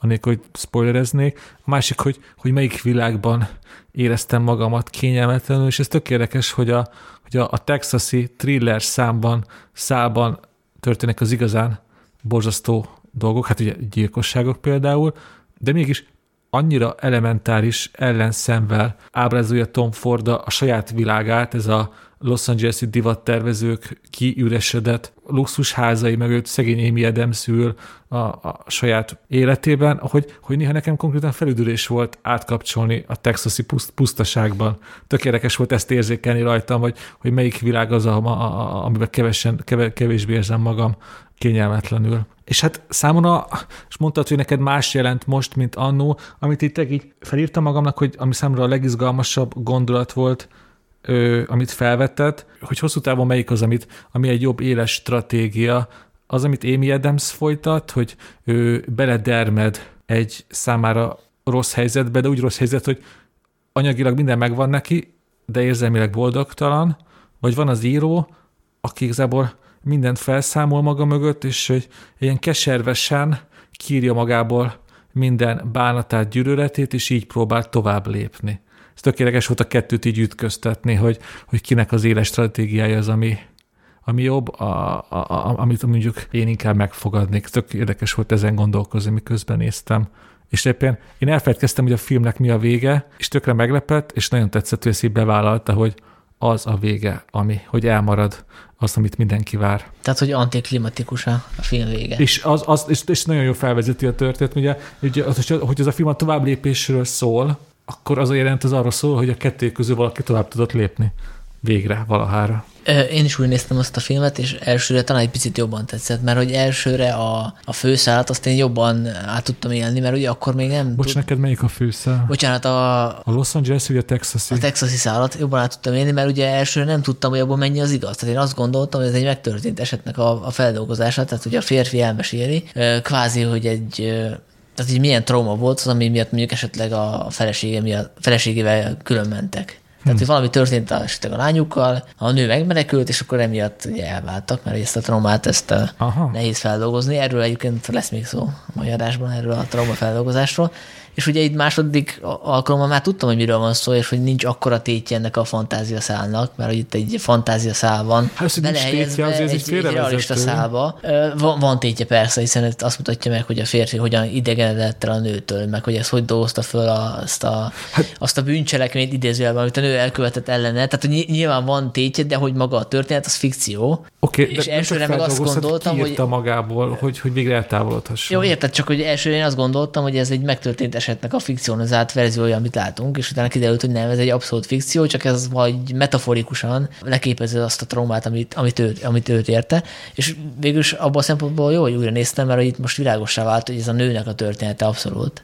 Tehát ez arról szól, hogy szembesül a saját árulásával, amit a férfi ellen elkövetett, illetve azzal, hogy a saját álmait ő nem tudta megvalósítani, nem akarta megvalósítani. Viszont ebben benne van az a, a csavar is, amit a film nem mond ki, hogy ugye ez a fickó, aki író szeretne lenni, ő eléggé középszerű volt, amíg együtt volt a nővel. És ahhoz, hogy ő lerakjon egy ilyen kvázi remekművet az asztalra, ahhoz kellett az, hogy a nő elhagyja őt. Ez, és igen, hogy ez, ez benne van a filmben. Igen, tehát hogy ő gyakorlatilag azzal, hogy abortálta a saját gyereküket, azzal a, hozzásegítette a férfit ahhoz, hogy, ez a, hogy ő ezt a regényt megszülje. Tehát, hogy van ez a, ez a pici ellentmondás, és így fölmerült bennem, hogy lehet, hogy a filmnek a vége is azért olyan, amilyen, mert hogy férfi hasonló taktikát választ ahhoz, hogy, hogy a nőt kirángassa ebből a, ebből a nagy polgári testpedésből, amiben van, hogy hogy valami traumával esetleg őt is rábír. Bár ez ezt túl van gondolva, de hogy... Nem, hogy... szerintem nem gondolod túl, de szerintem nem gondolod túl, és pont ezzel bizonyítod azt, hogy ez egy, ez egy iszonyú jó film, mert hogy tényleg többfajta értelmezés létezik szerintem, nagyon nyitott a film. De érdekes, amit mondasz, hogy, hogy te pont azáltal érezted gyengébbnek, hogy már tudtad, hogy fikció, mert számomra meg pont azzal lett erősebb, hogy tudtam, hogy egy fikció, és az, hogy a, a férfi uh, ír egy ilyen könyvet, ami amit eljuttat a nőnek, ez egy ilyen elképesztően izgalmas játékot indít be, és mindig ez a két világ ütközik. És ne, számomra az a nagyon szép ebbe a filmben, hogy rengeteg ilyen pici apróság van benne, ami talán elsőre fel se tűnik például. Ez az üvegkalitka, amiben a nő él, és akkor oda neki repül egy madár, ami meghal, szóval ezek ilyen nagyon, nagyon izgalmas dolgok, és egyébként egy csomószor át van játszva a fikció, meg, a, Igen. meg a, az úgymond valóság, hogy visszatérnek például szereplők. Úgyhogy, úgyhogy szerintem ez egy, ez egy nagyon nyitott film, és lehet, hogy harmadjára még, még más dolgokat vennénk benne észre. Hát, hát nekem ez, ez dermesztő élmény volt azt látni tényleg ilyen érzékletes képeken keresztül, hogy, hogy egy, egy fikció, egy kitalált történet, az, az igazából milyen valós elkeseredettségből, konkrétan gyűlöletből fakad. Mert azért abból a könyvből számomra ilyen gyűlölet is van, hogy, hogy ez a férfi ezt egy, tényleg megsemmisítette ez a nő, és én e-, ezt a könyvet nem csak ilyen az ő maga traumának a feldolgozásának gondolom, hanem azzal, hogy visszaküldte a nőnek, ezt tökéletes, hogy ti azt mondjátok, hogy ezzel ki akarja rátani az ő, nem tudom, tetszalott állapotába. Nekem ez inkább egy bosszú, ez a könyv. Ne, nekem is, nekem is, csak Sanyi, ez Sanyinak az értelmezés. És tetszik a Sanyi értelmezés, mert tényleg, tényleg szerintem ez egy érvényes, bele lehet látni ezt is. Én, én, én ebbe hát egy ilyen önző bosszút látok bele, hogy, hogy ő így tud tovább lépni, hogy, hogy visszaadja, ilyen szemet-szemet, fogad fogért, azt a megaláztatást most így egy, egy, egy, egy kurva jó könyvvel adja vissza. Amúgy ez tökéletes, mert én is gondolkoztam, hogy, hogy szerintem a film alapján eldönthetetlen, hogy ez tényleg egy jó könyve vagy sem. Mert igazából mi annak a film adaptációját láttuk. És hát ez minden, ugye ez, ez egy közismert dolog, hogy egy közhelyes ponyvából is lehet egy, egy remek művet forgatni. Szóval szerintem számomra ez is egy nyitott kérdés, hogy, hogy valójában jó íróvá vált-e, a, a Jake Gyllenhaal által alakított karakter, vagy csak az, e, a közös múltjuk miatt ennyire nagy hatást gyakorol az a könyv a nőre. Ez, ez nem derül ki. Lényegtelen is ebből a szempontból, mert az a lényeg, hogy, a, hogy meg tudott írni egy könyvet, ami, amit eljuttat a nőnek. Ugye mi, a, mi még nem, nem csak hogy a filmadaptációt látjuk, hanem ugye mi azt látjuk, hogy Amy Adams olvassa ezt a könyvet. Igen, az ő fejében. Ez az ő fejében, és ugye nyilván érzelmileg kötődik ez az egészhez. Tehát lehet, hogy ez egy teljesen szarkönyv, de tök, tök mindegy, tehát hogy lényegtelen. Ez, ez az összjáték szerintem, amilyen nagyon, nagyon Tehát olyan, mint a Petersonnak a versei. Igen, ja. Egyébként érdekesség, amire most másodszorra, másodszori megtekintésre figyeltem föl, hogy én korábban a, az Amy adams sokszor összekevertem az Ida Fisherrel. És most esett le, hogy a, az Amy Adams filmbeli megfelelőjét a film, film a filmben jelenetben az Ida Fisher játsza. Hát ez egy annyira gyakori dolog a kették összekeverése, hogy hogy Ayla Fisher még csinált is egy ilyen komédia videót fent van a Youtube-on, ahol így bemondja a kamerába, és így elmagyarázza, hogy igen, összetévesztik, de ő nem Amy Adams, ő Ayla Fisher, nem tudom, hogy ejti ki a nevét. Amúgy csak, hogy így visszautaljak a másik Amy Adams filmre, szerintem 2016 az egyértelműen amellett, hogy nem kapott érte Oscar, de szerintem ez Amy Adams éve volt, mert ez két fantasztikus szerep. Már kibeszéltük mindkettőt, az érkezést is, és a éjszakai ragadozókat is. Hát Amy Adams az egy ilyen, azt hiszem a hatszor jelölték Oscarra, és rengeteg nagy szerepe van, de valahogy nem, az akadémia valahogy nem adja oda neki azt a megérdemelt szobrot. És egyébként 2016-ban még játszott a Batman és Supermanben is, csak mondom, zárójelben, hogy, hogy mennyire az ő éve. Ennyi? Hát szerintem ezt kibeszéltük, mindenki nézze meg, aki még nem látta. Aki meg látta, az is, mert tényleg szerintem ez egy, Sanyi, neked nem, de nekem jobban tetszett másodjára. Nem, szóval. másodjára például nekem túltolásnak tűnt a, a végén, amikor vannak ezek a párhuzamos montások, amikor ugye haldoklik a Jack Gyllenhaal által alakított férfi, és akkor ő sóhajtozik, és közben a nő is sóhajtozik, és akkor azt így egymásra vágják, és amikor tudod, hogy ez fikció, amit rávágnak a valóság, akkor szerintem kevésbé hatásos, és ugye másodszor már tudtam. Tehát nekem az egy picit túl volt tolva ott a, hmm. túl szépelgő volt ez a rész.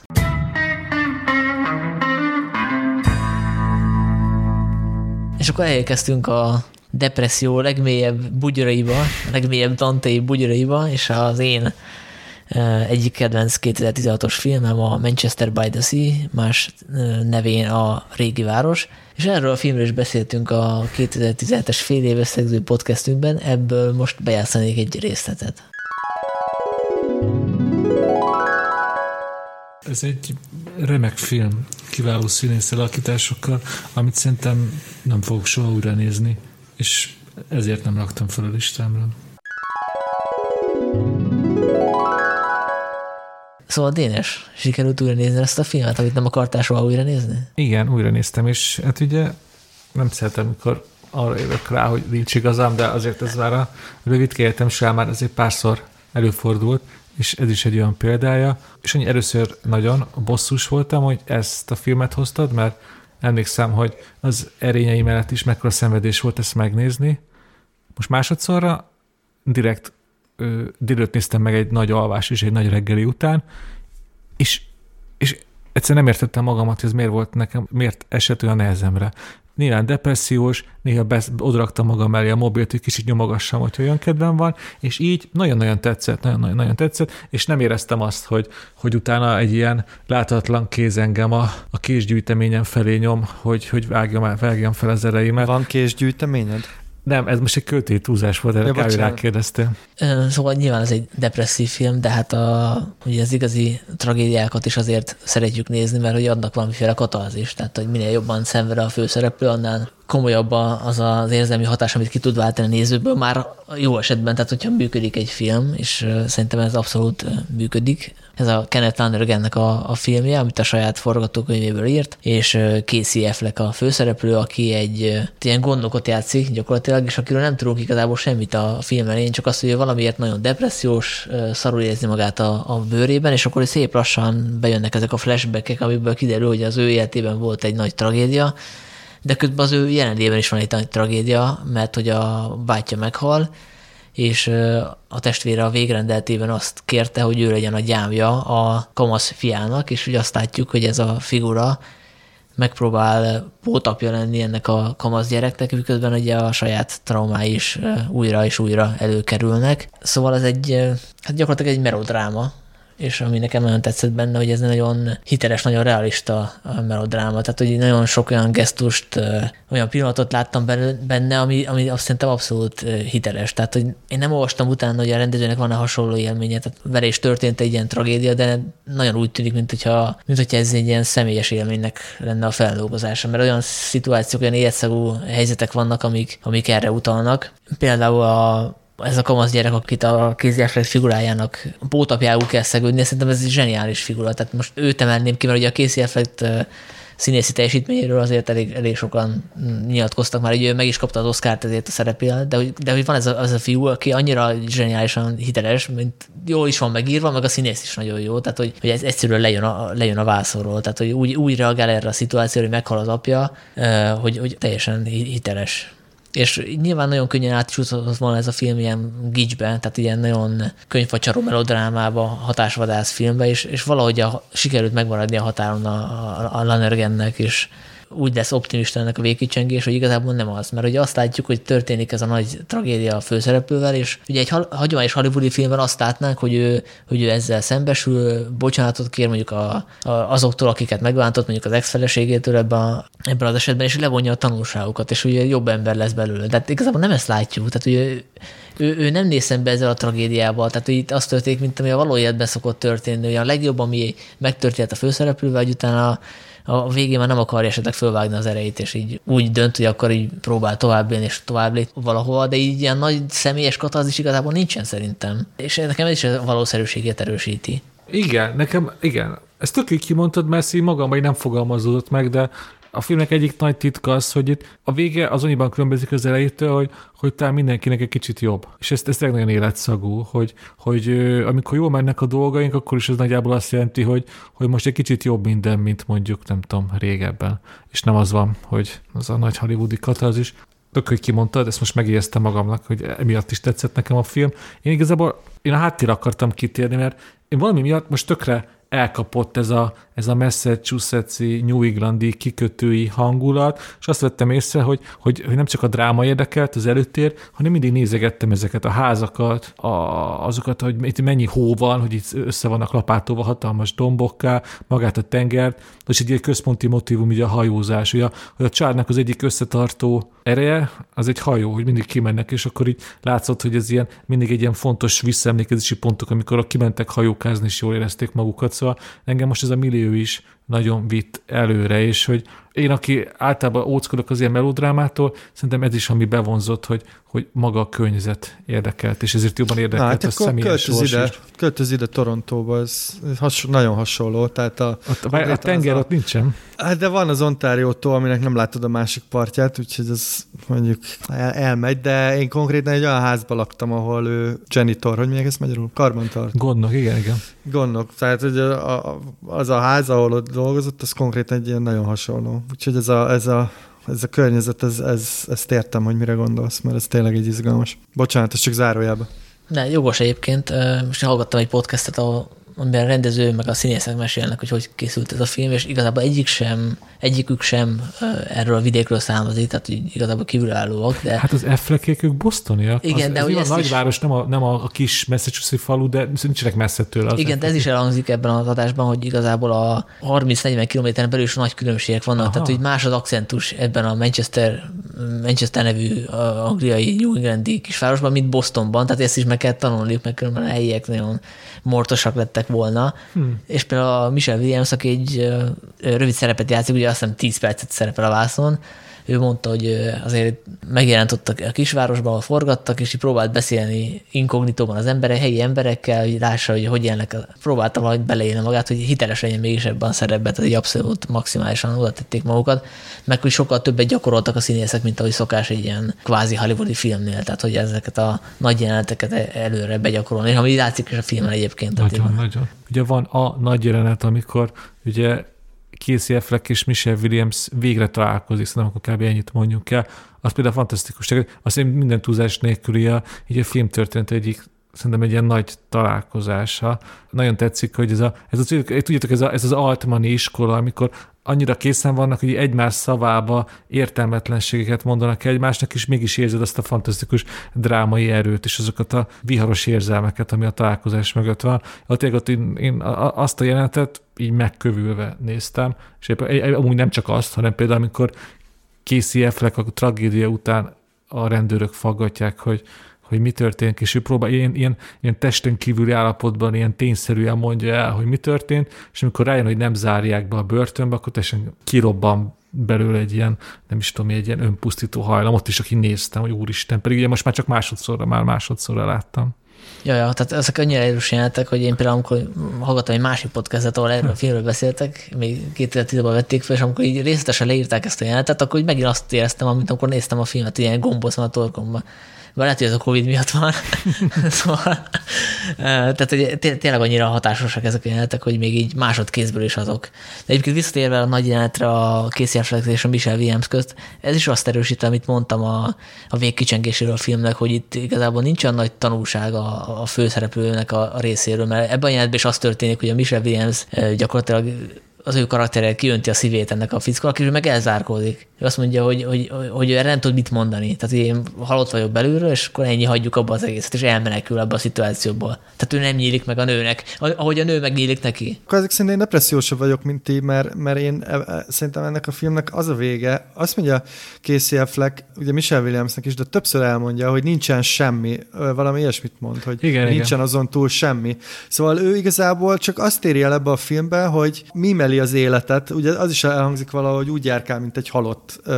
Szóval lehet, hogy ez a hatodik érzéknek egy ilyen fura rimékje. Szóval amikor elmondja ezeket a dolgokat, akkor, akkor szerintem nincsen igazi ellenfejlődés, csak ez, ez a mímelés, amit csinál, hogy eljátsza, hogy ő még él, ez lesz egy fokkal hasznosabb, tehát már nem a szart pucolja ki a WC-ből, hanem legalább az unokaöccséért teszi ezt, ami nyilván egy, egy pici pozitív változás, de alapvetően ő egy ilyen purgatóriumban fog létezni tovább, és szerintem ez egy tök hiteles dolog, mert hogy nagyon hazug szokott lenni a, a hollywoodi filmekben az, hogy van egy konfliktus, amit megold, és akkor ilyen felsőbb szintre kerülve tanul valamit az életről, és nagyon több ember lesz, vagy, vagy kiteljesedik. Itt az történik egyszerűen, hogy, hogy tovább csinálja a dolgát, egy pici lépést tesz, de szerintem alapvetően nem nem változik semmi, és, és emiatt szerintem nagyon szuper. Most két dolgot külön választanék. Egyrészt, hogy, hogy Michelle williams szemben nincs valódi kapcsolat, még a nagy jelenet végén sem. Szerintem ebben teljesen egyetértek, azt hiszem, egy, egy olyan mély gyógyíthatatlan seb van Casey Affleckben, ahogy, ahogy, ahogy az ex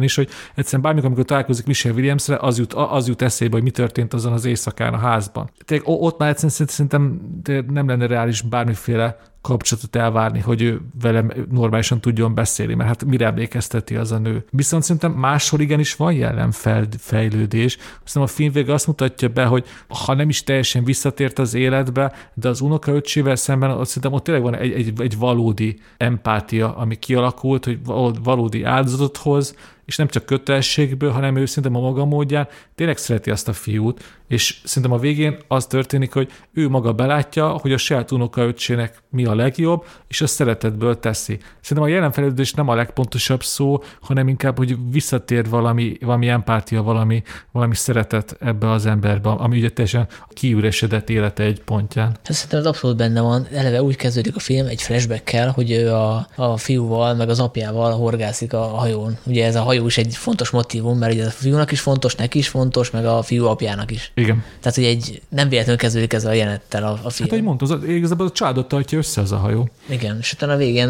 az ő kettőjük jelenetével fejeződik be, és ugye van egy ilyen kompromisszum is, hogy ő nem, azt hiszem nem Bostonba költözik végül. Igen, egy közelebb költözik. Hanem egy közelebb, közelebbi uh, helyre, és ahol van egy ilyen uh, vendégszobája, és ahol várja a fiút, hogyha ő esetleg ott meg akarna szállni. Igen, ez is, amiről beszéltek, hogy, hogy nincs full happy end, ez nagyon fontos, hogy, hogy van egy város, ahol, ahol őt nem csak Michelle Williams, hanem minden utcasarok, az ottani emberek mind-mind a tragédiára emlékezteti. Szóval szerintem az tényleg egy, egy túl nagy elvárás attól, hogy oda költözön vissza. Egyszerűen az, az, az ő lelki gyógyulását akadályozná. És ezért, ezért van ez a köztes megoldás, ami, amiről igen, amiről mondtam, hogy ez is mutatja, hogy itt ilyen valós szeretet alakul ki az közte és az unokaöccsek közte, hogy ő próbál mindent annak a célnak rendel alá, hogy ő az unokaöccsével valódi emberi kapcsolatban tudjon maradni. Én még egy dolgot emelnék ki, az írói munka ebben, ebben a filmben zseniális. Tehát ugye ez egy flashback struktúrára épül a film, ugye látunk folyamatosan flashbackeket, és úgy derül ki a figura háttértörténete, de ezeket nem igazán jelzi tehát nem, nem jelzi ilyen nagyon látványosan a, a, a rendező, aki egyébként maga a forgatókönyvíró is, és néha még át is csúszik a kettő, szóval szerintem ez egy, ez egy zseniális zseniálisan megoldott struktúra, mert hogy, hogy végül világos lesz minden, és tök követhető, de pont a megfelelő pontokon, nagyon jó ritmusban jönnek ezek. Ahogy nagyon jó ritmusban vannak beékelve ezek a, a helyfestő dolgok, amiket mondta, hogy neked is tetszik, hogy sirályok repkednek, nem tudom, a tengert látjuk, és az egész filmnek nagyon-nagyon jó a ritmusa, ahhoz képest, hogy ez egy, ez egy több mint két órás film, és, és egy elég nehéz téma, nagyon szépen hömpölyög. Nekem most másodjára tűnt fel, hogy, hogy ez nagyon bravúrosan van egyébként megoldva. Flashback-ekhez még annyit, hogy az időzítés is nagyon jó, tehát akkor ismerjük meg a férfinek a múltját, a, a tragédiáját, amikor a, ott van a, a, az ügyvédnél, aki ismer, ismerteti a, a testvérnek a végrendetét, és ugye a végrendetben az van, hogy ő szeretné, hogyha ha a fia gyámja, az a, ez a férfi lenne, és ekkor ismerjük meg a flashbackből, hogy ő amikor legutóbb a gondjaira volt bízva három gyerek, akkor mi történt?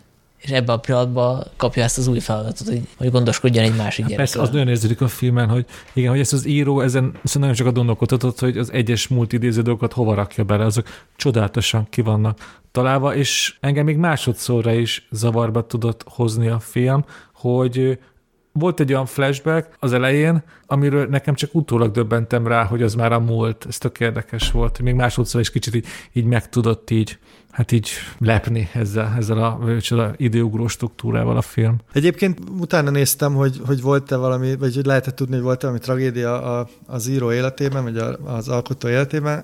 Csak azt álltam, hogy egyébként az apja pszichiáter, az anyja pedig orvos, vagy fordítva. Mindegy, szóval egy orvos szülők, és egyébként ő sok drámát írt, ilyen off-Broadway darabok, szóval azért az a, ez a fajta drámaírói rutin, ez azért érződik. Ezt egy 52 éves ember írta ezt a filmet, azt azért szerintem így. Ja, de nem csak a nagy kép stimmel, hanem az apró részletek is. Például az a rész, amikor a srác a jégkorong edzésen van, és ugye megjelenik a, a Casey Affleck figurája, és ő csak abból, hogy, hogy ott föltűnik, ő már tudja, hogy mi történt vele pontosan, és az, az ahogy lejátszódik némán, az a jelenet sor. Tehát az tényleg arról árulkodik, mint hogy ennek lenne valamilyen valós háttere. Tehát, hogy nekem legalábbis nagyon hitelesnek tűnt az a rész is többek közt. Nem, meg szerintem abszolút hiteles ez a karakter is, aki ugye a kocsmában így csendben iszogat, aztán hirtelen nekiesik embereknek. Hú, nagyon, nagyon. Ez, ezek szerintem ilyen nagyon jó el, ezek nagyon jó megfigyelések, mert hogy ez, ez van, aki, aki egyszerűen így, így tud valamiféle Igen. érzelmet kicsiholni magából. És még egy fontos dolog, hogy oké, okay, ez egy tragédianak a története, de közben ez egy vicces film is igazából. Tehát ebben vannak poénok is, nem tudom nektek. Igen, igen, másodszorra föltűnt, tehát hogy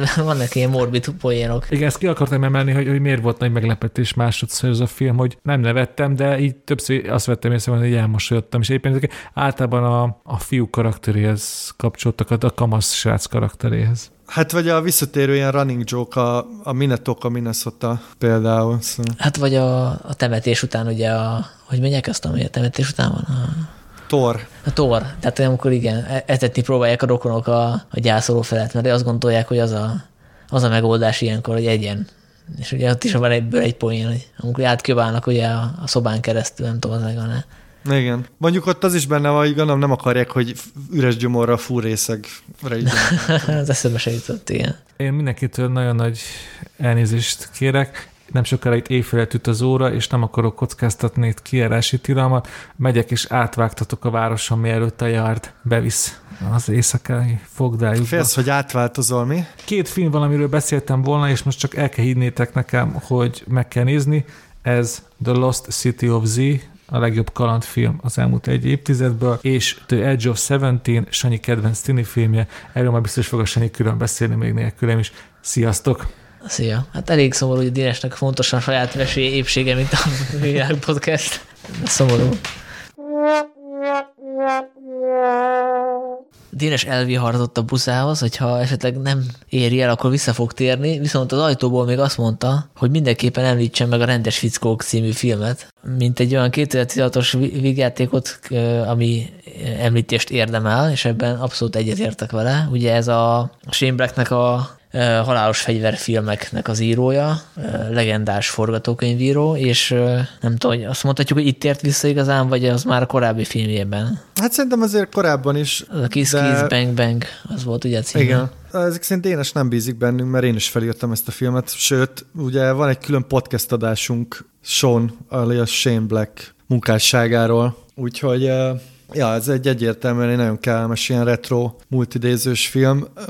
Ugye Ryan Gosling és Russell Crowe az ilyen, és ilyen buddy, hát ez a buddy cop movie-nak egy ilyen lágazása, szerintem nagyon vicces. Igen, tehát a Shane Blackre is igaz az, hogy ami a Ken Loachra, hogy visszautaljak egy másfél órával ezelőttre, hogy igazából mindig ugyanazt a filmet csinálja. De hát annyira megy neki, hogy ez nem is probléma. Igen, hát a ne- neten vannak ilyen konkrétan ilyen gyűjtések, ugye minden filmje karácsonykor, vagy karácsony környéke játszódik, vannak ilyen visszatérő motivumai, visszatérő figurái, tehát ebből a szempont, sőt, ugye az a vicc, hogy ő írt Marvel filmet is, ugye a Vasember 3, uh, és még abban is érvényesíteni tudta ezt a sajátos, hát szerintem mondhatjuk nyugodtan, hogy ilyen szerzői látásmódját, ami egyúttal egy ilyen erős műfai keret is. Igen, meg ugye a színészek azért mindig fontos szerepet játszanak, és itt az, az érdekesség, hogy a Ryan Gosling, aki ugye a Hollywoodnak az ügyeletes szép fiúja volt egy időben, itt azért elég szépen megmutatta, hogy komikusnak se utolsó, ugye Russell. Crowe oldalán. Aki szereti a Shane Black féle humort, meg ezt a kicsit ilyen macsó világot, annak az abszolút ajánlom ezt a filmet, szóval azt nem tudom, hogy, hogy föl lehetne tenni ugyanarra a polcra, mint mondjuk az utolsó cserkészt, mert nyilván ez már egy ilyen utóhatás, Nem lehet feltenni, mert ebben már van egy fajta ilyen önreflexió, ami, ami így vissza is utal erre. Ugye az utolsó cserkész, az, az szerintem, hogy mondjam, szóval az annyira, annyira túl van húzva, hogy, hogy az így folyamatosan billeg az irónia és a komolyan vehetőség határán, de azzal együtt az egy ilyen tökéletes leképezése így a, Igen. ennek, a, ennek az egésznek. Csú, csúcsra járatja ezt a formulát. Azért ez a, ez a film ez szerintem jóval könnyedebb. Igen, igen. Viszont ő abszolút megrekedt szerintem ebbe a 90-es évek, 80-as évek vége világban. Tehát ez a film konkrétan játszóztatna akkor is. Tehát ebben igazából semmilyen 2016-os elem nincsen. Tehát így akár elhagyható is ez a kortárs környezet. Abszolút, és mondjuk pont ez, ez a filmnek az egyik előnye. Ezt most én mondtam, vagy a Dénes? Nem, vegyük úgy, hogy ezt most a Dénes mondta, úgyhogy akkor te is mondjál vala. Akkor te is hozzá egy címet. Hát szerintem, amit én mondok még egy címet, azt Dénes is mondhatta volna, ez az L, ami Paul Verhoevennek a, a filmje. Ez, ez is nevezhető egy visszatérésnek, és egy nagyon erőteljes visszatérésnek. Ugye Paul Verhoeven volt a, hát így a 80-as évek végének és a 90-es évek elejének ilyen nagy hollywoodi uh, sztárrendezője, ugye Robot Zsaru, uh, Emlékmás, Elemi Ösztön, és aztán valahogy ő is így be, beszürkült. Ő egy, egy holland származású rendező, szóval neki vannak holland filmje is. És ez a film, ez, ha jól emlékszem, ez francia gyártásban készült, most ebben, ebben nem vagyok teljesen biztos, de az biztos, hogy a film Párizsban játszódik, és egy nagyon-nagyon bizarr történet. A főhősnője, akit az Isabel Üper, ugye? Úgy kell ejteni, Isabel Üper alakít, szóval őt megtámadják és megerőszakolják, ezzel indul a film, és ahelyett, hogy ő ilyen bosszút állna, vagy nem is tudom, hogy mi erre a jó szó, szóval ahelyett, hogy ő így kinyomozna, hogy mi történt, kiderül, hogy ő ezt tulajdonképpen élvezi, és innentől egy ilyen nagyon, nagyon különös, nyugodtan mondhatjuk, hogy ilyen polgárpukasztó film ami egyébként illeszkedik is a, a Paul Verhoevennek az életművében. Én ezt nagyon-nagyon szerettem, ezt a filmet, szerintem nagyon provokatív, és, és ilyen pikáns, csípős valami. Nekem az mindig kellemes meglepetés, amikor azt láttam, hogy egy 70 en túli rendező, ugye most már 82 éves, a forgatás Igen. idején akkor volt uh, 70. Szóval azt mindig jól látni, hogy egy 77 éves ember az nem nagyon veszítette a, a provokáló képességét, tehát ugye olyan éles filmeket csinál, mint korábban, és ugye ez pláne akkor izgalmas, hogyha korábban azért neki voltak kevésbé sikerült filmjei. Ha magát a sztorit nézzük, akkor azt mondhatjuk, hogy igazából kicsit korszerűtlen történet. Tehát nem a korszellemnek megfelelő az, hogy fölvet egy ilyen témát, hogy esetleg élvezi a nő azt, hogy őt megerőszakolják, és hogy... Igen, ez, ez, most ezt lehet, hogy túl hangsúlyoztuk, ez egy, hát ha nem is gimmick, de, de azért itt más irányba indul el a sztori. Ugye az ő státusza is fontos. fontos, tehát hogy ő nem akárki, ő egy céget vezet, egy, egy, Igen. egy, egy játékfejlesztő céget vezet, és ugye a játék, ez egy erőszakos játék, szexuális erőszak is van benne, tehát hogy ez egy dupla csavar ebbe igazából, hogy, hogy nőként milyen pozíció pozíciót tölt be ebbe a cégben, és ugye ez a, ez a játék, ez mennyire terjeszti mondjuk az erőszakot, az is fölmerülhet szerintem elsőre. Szerintem, szerintem ez gimmick, szerintem itt inkább, inkább tényleg ez a, ez a ez a hata, hatalom kérdésével igen, foglalkozik. Igen, igen, igen. Tehát ebből a szempontból igazából hasonlít a, a Nice Guys-ra, a rendes fickókra, hogy ez a film is készülhetett volna akár a 90-es években is. Oké, okay, hogy, okay, hogy aktualizálva van, mert ez nyilván ez a játékfejlesztős dolog, ez tipikusan 2000-es évek, 2010-es évek, de ezt leszedjük belőle, ez gyakorlatilag egy 90-es évekbeli történet, tehát az a klasszik erotikus thrillerek története. Azt akartam mondani, hogy ez nyugodtan oda pakolhatta az elemi ösztön mellé. Tehát, hogyha mondjuk utána csinálja, akkor ez egy teljesen logikus lépés lett volna. Akkor én is hozok egy filmet, és akkor maradjunk az erotikus vonalon. És a Park chan az egyik kedvenc kórai rendező. Ugye ő csinálta a bosszú trilógiát, az Old Boy-t, a bosszú asszonyát és a Sympathy for Mr. Vengeance-t. Ő ugye kirándult Hollywoodba, és ez a kirándulás nem sikerült szerintem annyira jól, és utána visszatért Dél-Koreába, és ez a kirándulás viszont nagyon-nagyon jól sikerült szerintem, és ebből született a Szobalány című film, ami egyébként egy adaptáció, és ebből a történetből készült már korábban is feldolgozás. Azokat én nem láttam, hogy nem tudok nyilatkozni, hogy mennyire tér el ettől a frisstől. Én úgy tudom, hogy tett bele extra csavarokat az eredeti történethez képest. Alapból ez egy 140 perces film, és én ennek a extended verzióját néztem meg, tehát a, a hosszabb verziót, nem is tudom, az hány perc volt talán, lehet, hogy 180 is akár is. Arra jöttem rá igazából, hogy ezt úgy érdemes, úgy érdemes hosszú verziót nézni, hogy előtte megnéz az ember a rövid verziót, mert közben nem látja, hogy mi az, amiben több. Tehát én úgy látom, hogy igazából plusz jelenetek nincsenek, csak hogy hosszabban pörögnek ki a, az eredeti jelenetek, és egyébként így is tök jól működött, tehát nem éreztem azt, hogy hosszú lenne a film. Szóval hogy ez egy,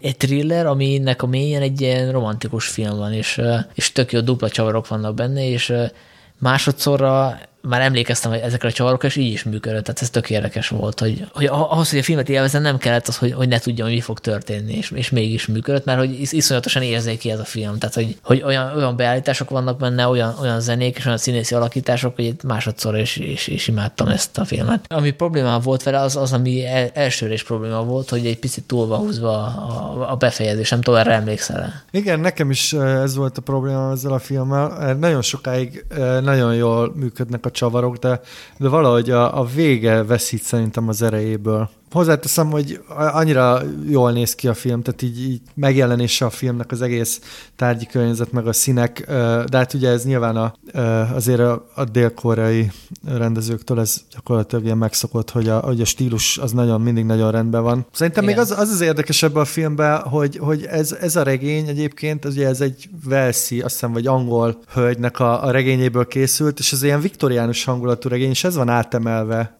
Dél-Koreába, és ugye a, most az a én nem néztem újra, de ugye a japán megszállás ideje, és mm-hmm. valahogy úgy, szóval, szóval hogy át van emelve, és szerintem ez, ez nagyon, nagyon izgalmas ilyen interakcióba lép ez a két, két kultúra. A múltkori adásban beszéltünk a Carolról, ugye az egy szintén egy leszbikus témájú film, amiről a Nagy Végergő kollégánk értekezett hosszasan, és az volt a mondandójának a lényege, hogy az a film a tekintetekről szól, és egy eszembe jutott, hogy párhuzamba lehetne hozni ezt a két filmet, mert igazából ez is a tekintetekről szól, mert hogy azt látjuk, hogy a, a történetnek az első felében a, a szolgálólány szemszögéből megnézzük azt a történetet, és utána van egy történik egy váltás, és utána a, a ház úrnőjének a szemszögéből nézzük meg ugyanazt a történetet, és Igen. hogy olyan, olyan nézőpontokat láttuk, amit a történet első fejezetében nem láttunk, és hogy ez egy más történetet rajzol ki, áthelyezi teljesen a történetnek a, a súlypontjait, és szerintem tök izgalmas, hogy itt igazából azt látjuk meg, hogy hogy születik meg egy szerelem, és, és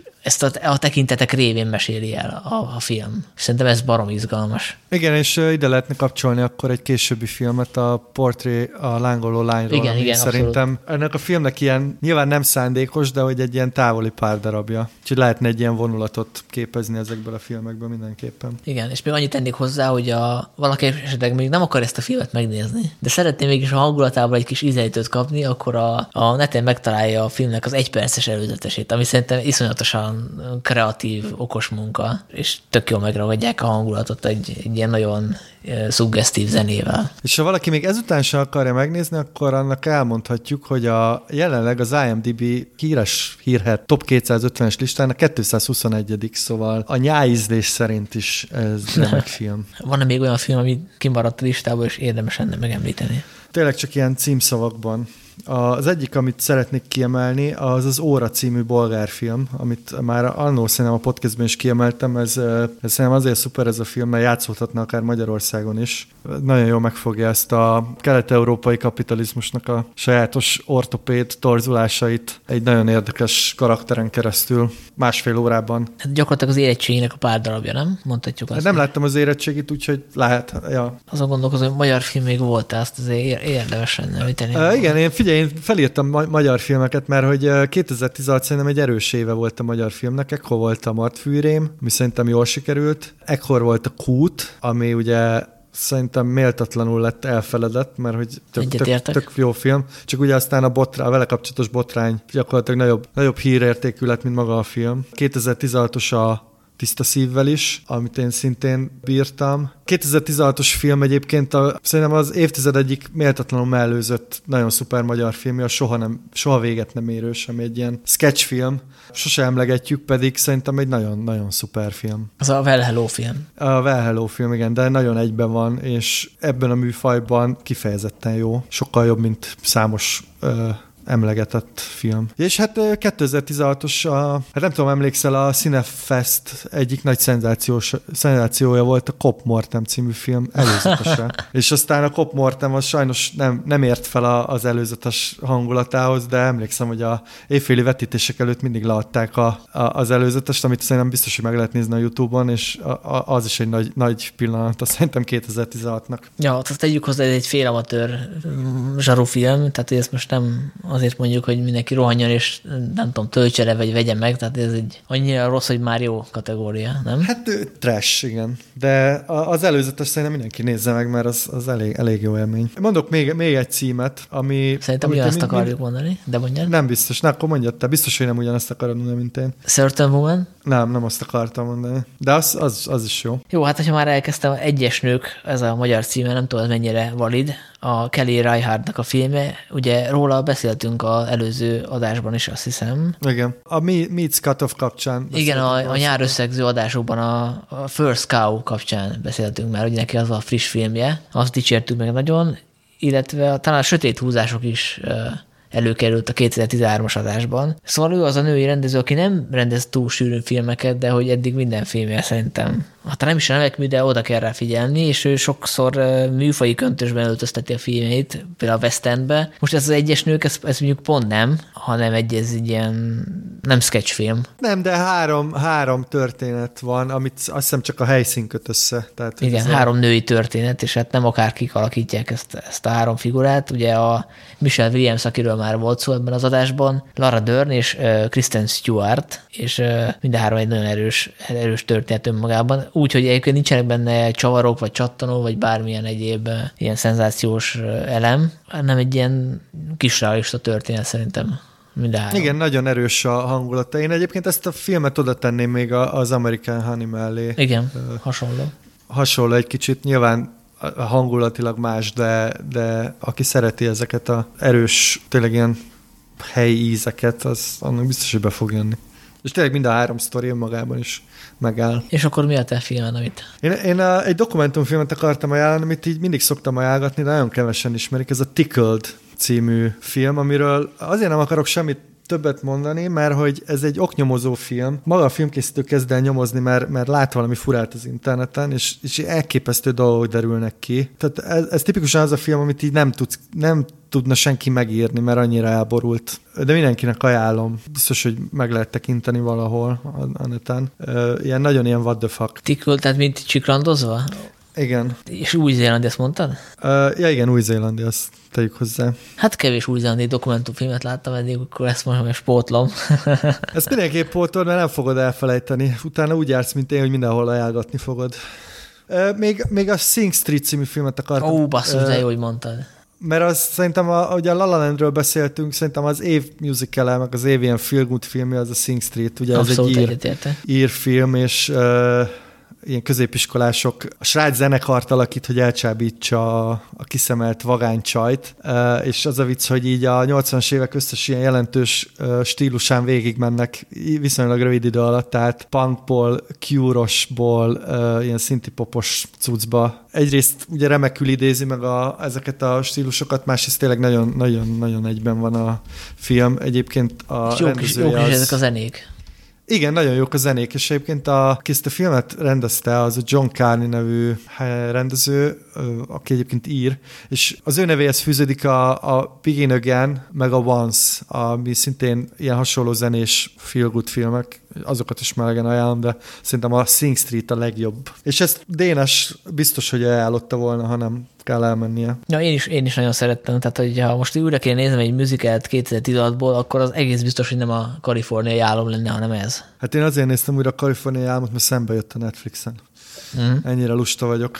Újra nézt, vagy először néztem meg egy filmet, amit véletlenül találtam, ez a Mike Birbirgiának a filmje, a Don't Think Twice, amit egyébként ajánlok neked, mert nem stand-up, de, de ilyen impro csoport, és arról szól, hogy mi van akkor, hogy nem, nem sikerül befutni, és szerintem ez egy tök izgalmas téma, mert ugye általában az amerikai filmek 90 5%-a arról szól, hogy hogyan, hogyan futnak be előadó művészek, itt meg arról van szó, hogy hogyan nem futnak be. Ő, ő ugye egy stand és én nagyon szeretem a, a stand-upjait, és ezt a filmet ő írt és rendezte, ez egy ilyen indie film, és egyébként a szereplőgárda is tök jó, úgyhogy ez, aki, aki stand-up, stand-upot szereti, az nem fog ebbe csalódni.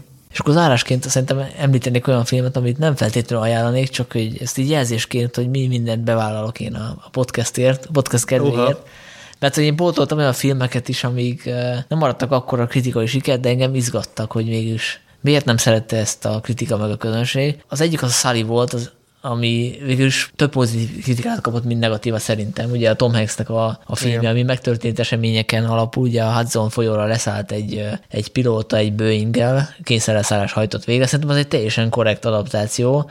Egyébként pont olyan film, mint amilyet egy Clint Eastwood filmtől elképzel az ember, tehát egy 90 éves rendező legendától, aki kicsit ilyen patetikusan, csillagsávos zászlósan egy előadta az utolsó harmadban ezt a megmenekülés történetet, de abszolút korrekt szerintem. Nem tudom, láttad-e? Nem láttam még. A másik pedig az utazók, ami ugye egy Skiffy és a, a Chris Pratt és a Jennifer Lawrence volt a, a főszereplője, amit nagyon nem szerettek az emberek, és engem azért izgatott, hogy, hogy miért, miért volt ez a nagy utálat, és hát részben megértem, részben meg nem, mert szerintem ez egy korrekt high concept film, aminek az a hátültője egy picit elszáll az utolsó harmada, tehát hogy fölépül egy ilyen nagyon lassú, már-már realista stílusba, és utána végére átvált egy ilyen sokkal látványosabb skifibe, ami szerintem egy picit kontrasztban van azzal, ahonnan kiindult az egész történet. De maga a High Concept Story engem elvitt annyira, hogy, hogy ezt én meg tudtam bocsánat egy ideig, sőt még az is, az is bocsánatos bűnnek számított számomra, hogy, hogy valami iszonyatos pofátlansága nyúlja a ragyogást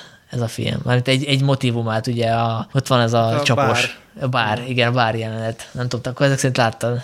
Én láttam ezt a filmet, mert nekem ez a sztori ötlet, ez nagyon-nagyon tetszik. És én pont azért haragudtam erre a filmre, mert amekkora high concept maga az ötlet, valahogy úgy fulladt ki teljesen a végére mm. az egész mert, hogy, mert ebből a sztoriból rengeteg jó dolgot ki lehetett volna hozni. Most, ha tudnám, hogy hogy, akkor eladnám Hollywoodnak, de, de hogy valahogy van egy ilyen érzetem, hogy ebből ilyen tök jó dolgok sülhettek volna ki. És egyébként nagyon szeretem a két szereplőt is, és sokáig működött ez a film, de valahogy úgy, úgy mint ilyen zuhanó repülésbe kezdene a végére. Mindenféle látványelemeket bedobálnak, mintha nem bíznának a saját színészeikben, hogy elviszik a, a nézői figyelmet ilyen hosszan, és, és olyan nem, nem hagy jó szájízt. Szóval hogy lehet, hogy ez a probléma ezzel, hogy, hogy ezt a felénél abba hagyják. Arra emlékszem, hogy a korabeli kritikákból, hogy ezt ilyen morális alapon is támadták, ugye itt a főszereplő, a Pratt azt csinálja, hogy föltámasztja ezt a nőt, mármint hogy a hibernációból, hogy ne legyen egyedül, és hogy akkor ez Igen. Így morálisan mennyire megkérdőjelezhető, és hogy ez egy ilyen predátor magatartás, és hogy sokan ezért nem, nem szerették ezt a filmet, de szerintem abszolút átélhető ez a dilemma, hogy ott, ott van ezen a hajón, és hogy úgy tűnik, hogy érte végig egyedül marad, mert ugye mire megérkezik a hajó a céljába, addig ő halott lesz, tehát hogy, hogy itt az az alternatíva, hogy akkor akkor csinálja magának egy társat, de közben egy ilyen komoly morális dilemma elé kerül. Szerintem ez egy tök jó alapötlet. Meg hát azzal ki nem tudna azonosulni mondjuk férfiként, hogy egyedül vagy egy, egy hajón a, a Jennifer lawrence -el. Emiatt működik szerintem tényleg a Abszolút, filmnek az első igen. fele, vagy első két harmada, és utána nagyon-nagyon hollywoodi lezárás kapott. Szóval egy abszolút identitás zavaros ez a film. Ez a legfőbb probléma vele. 2016-os a húrok is. Az... Az, az érdemes lenne, mert meg, megsértődik a madarász, és hallgat minket. Szóval ez egy izgalmas koncepció volt szintén. A magyar filmben ugye nem nagyon láttunk még ilyen időcsavart, pedig egyébként adná magát, mert hogy ez nem feltétlenül kell ilyen nagy trükk arzenál, Ráadásul ugye ez a, ez a hurok, ez mindig egy ilyen izgalmas, tehát ez az időhurok, hogy ugye ugyanaz a történés játszódik le újra meg újra. Nek van egy ilyen videójátékos hangulata is. Én úgy emlékszem, hogy ezen a filmen így el, el voltam, tehát hogy nekem így ilyen kellemes élmény kellemes volt. élmény volt, csak az volt a, a probléma, hogy, hogy picit túlismerős volt a koncepció, tehát hogy én nem éreztem azt az eredetiséget, ami legitimálta volna, hogy elkészül egy ilyen magyar, egy ilyen film magyar környezetben, magyar mutációban. Igen, mert ugye így előkerül a VHS kazetta, meg, meg ilyen kellemes, ilyen, van egy ilyen kis kelet-európai beütése, de, de maga a sztori az, az nem tesz sok mindent hozzá ehhez a, ehhez a fajta ilyen időhurkos témához. Szóval tényleg ez ilyen egyszer nézős. Ú, figyelj, egyébként Dénesnek jár egy hatalmas nagy fekete pont. Igen. Ö, és szerintem el fogja szégyelni magát, mert hogy nem említette egyáltalán a Lady Macbeth című filmet, oh. Florence Pugh debütáló szereplését, ami egyébként szerintem egy teljesen... Hát az biztos, hogy nem debütáló szereplése volt, bocsánat Zoli, tehát te se vagy igazi Florence szakértő. De szerintem a, az, mármint úgy értem, hogy ilyen nagy nagy filmben, ez volt az első, nem? Volt az a Falling című film, amit én ugye láttam, Carlo Ivariban, és erről már többször megemlékeztem. Akkor úgy fogalmazok, hogy ez volt az a film, amikor a világ felfigyelt Lady Macbethre. Tehát az első főszerep, mondhatjuk úgy. Igen, és ekkor figyelt fel rá a, a világ, szóval innen gyakorlatilag ilyen repülőrajtot vett a karrierje, mert nagyon gyorsan elég komoly filmekben találta magát, és Dénes szívében. Nagy hatást nem keltetett eh, ez a film, hogyha nem említette meg. Neked tetszett? Nekem tetszett, én így ezen is így el voltam, de ez is olyan, hogy, hogy nem, nem igazán tett hozzá ehhez a, ehhez a férfinő hatalmi dinamikás játékhoz, szóval itt ugye a, ez egy ilyen vidéki nemes elveszi ezt a nőt, és a nő, ugye ez azt hiszem, hogy 19. század vége talán, ahogy a, átveszi gyakorlatilag a hatalmat a, a háztartás felett úgy, hogy közben ő ugye egy elég szigorú társadalmi szisztémában él. Tök szépek a képek, meg, meg ilyen tök kellemes a, a film, de úgy annyira engem nem kavart fel, szóval hogy nem, nem tettem ilyen toplistákra. Akkor eljutottunk egy újabb maratonadás végére, de azt gondolom, hogy a 2016-os év megérdemelte, hogy ilyen terjedelemben foglalkozunk vele, és akkor következik a 2017. Szerintem még novemberben, bár nem akarom elkiabálni, de nyilván az idő sürget minket, hiszen le kéne lajzárni az adást. Egyébként én most azt tippelem, hogy át fogunk csúszni 2021-re, a befejező résszel, de talán nem is probléma, mert ha a helyzet kinéz, most túl sok új bemutató nem lesz sajnos a moziban, úgyhogy ráérünk ezzel a nosztalgiázással foglalkozni. Hát valószínűleg 2020-as legjobb toplistát nehéz lesz összerakni. Hát én azt hanyagolhatjuk, tehát a 2020 legjobb filmé az nagyjából megegyezik a 2020 legjobb streamingre érkezett filmjei plusz a Tenet. Körülbelül, igen. Ja, úgyhogy köszönjük szépen a figyelmet, vissza fogunk térni hamarosan, és remélhetőleg a Dénes is itt lesz velünk, és túlélte a rendőrök megzálását. Reméljük. Sziasztok! Sziasztok! A Filmvilág podcastjét hallottátok? Követhettek bennünket a Spotify-on, a Google Podcastben, vagy bármelyik nagyobb podcast szolgáltatónál. Ha tetszett az adás, adjatok rá 5 csillagot az iTunes-ban. Üzenhettek nekünk a Filmvilág blogján, vagy Facebook oldalán, vagy e-mailben a blog.filmvilágkukac.gmail.com címen. Küldtettek hangüzenetet is az anchor.fm per filmvilág oldalra. A Filmvilág havonta megjelenő folyamatát, és ezzel közvetve a podcastet a patreon.com per filmvilág oldalon tudjátok támogatni. Találkozunk két hét múlva, kedden!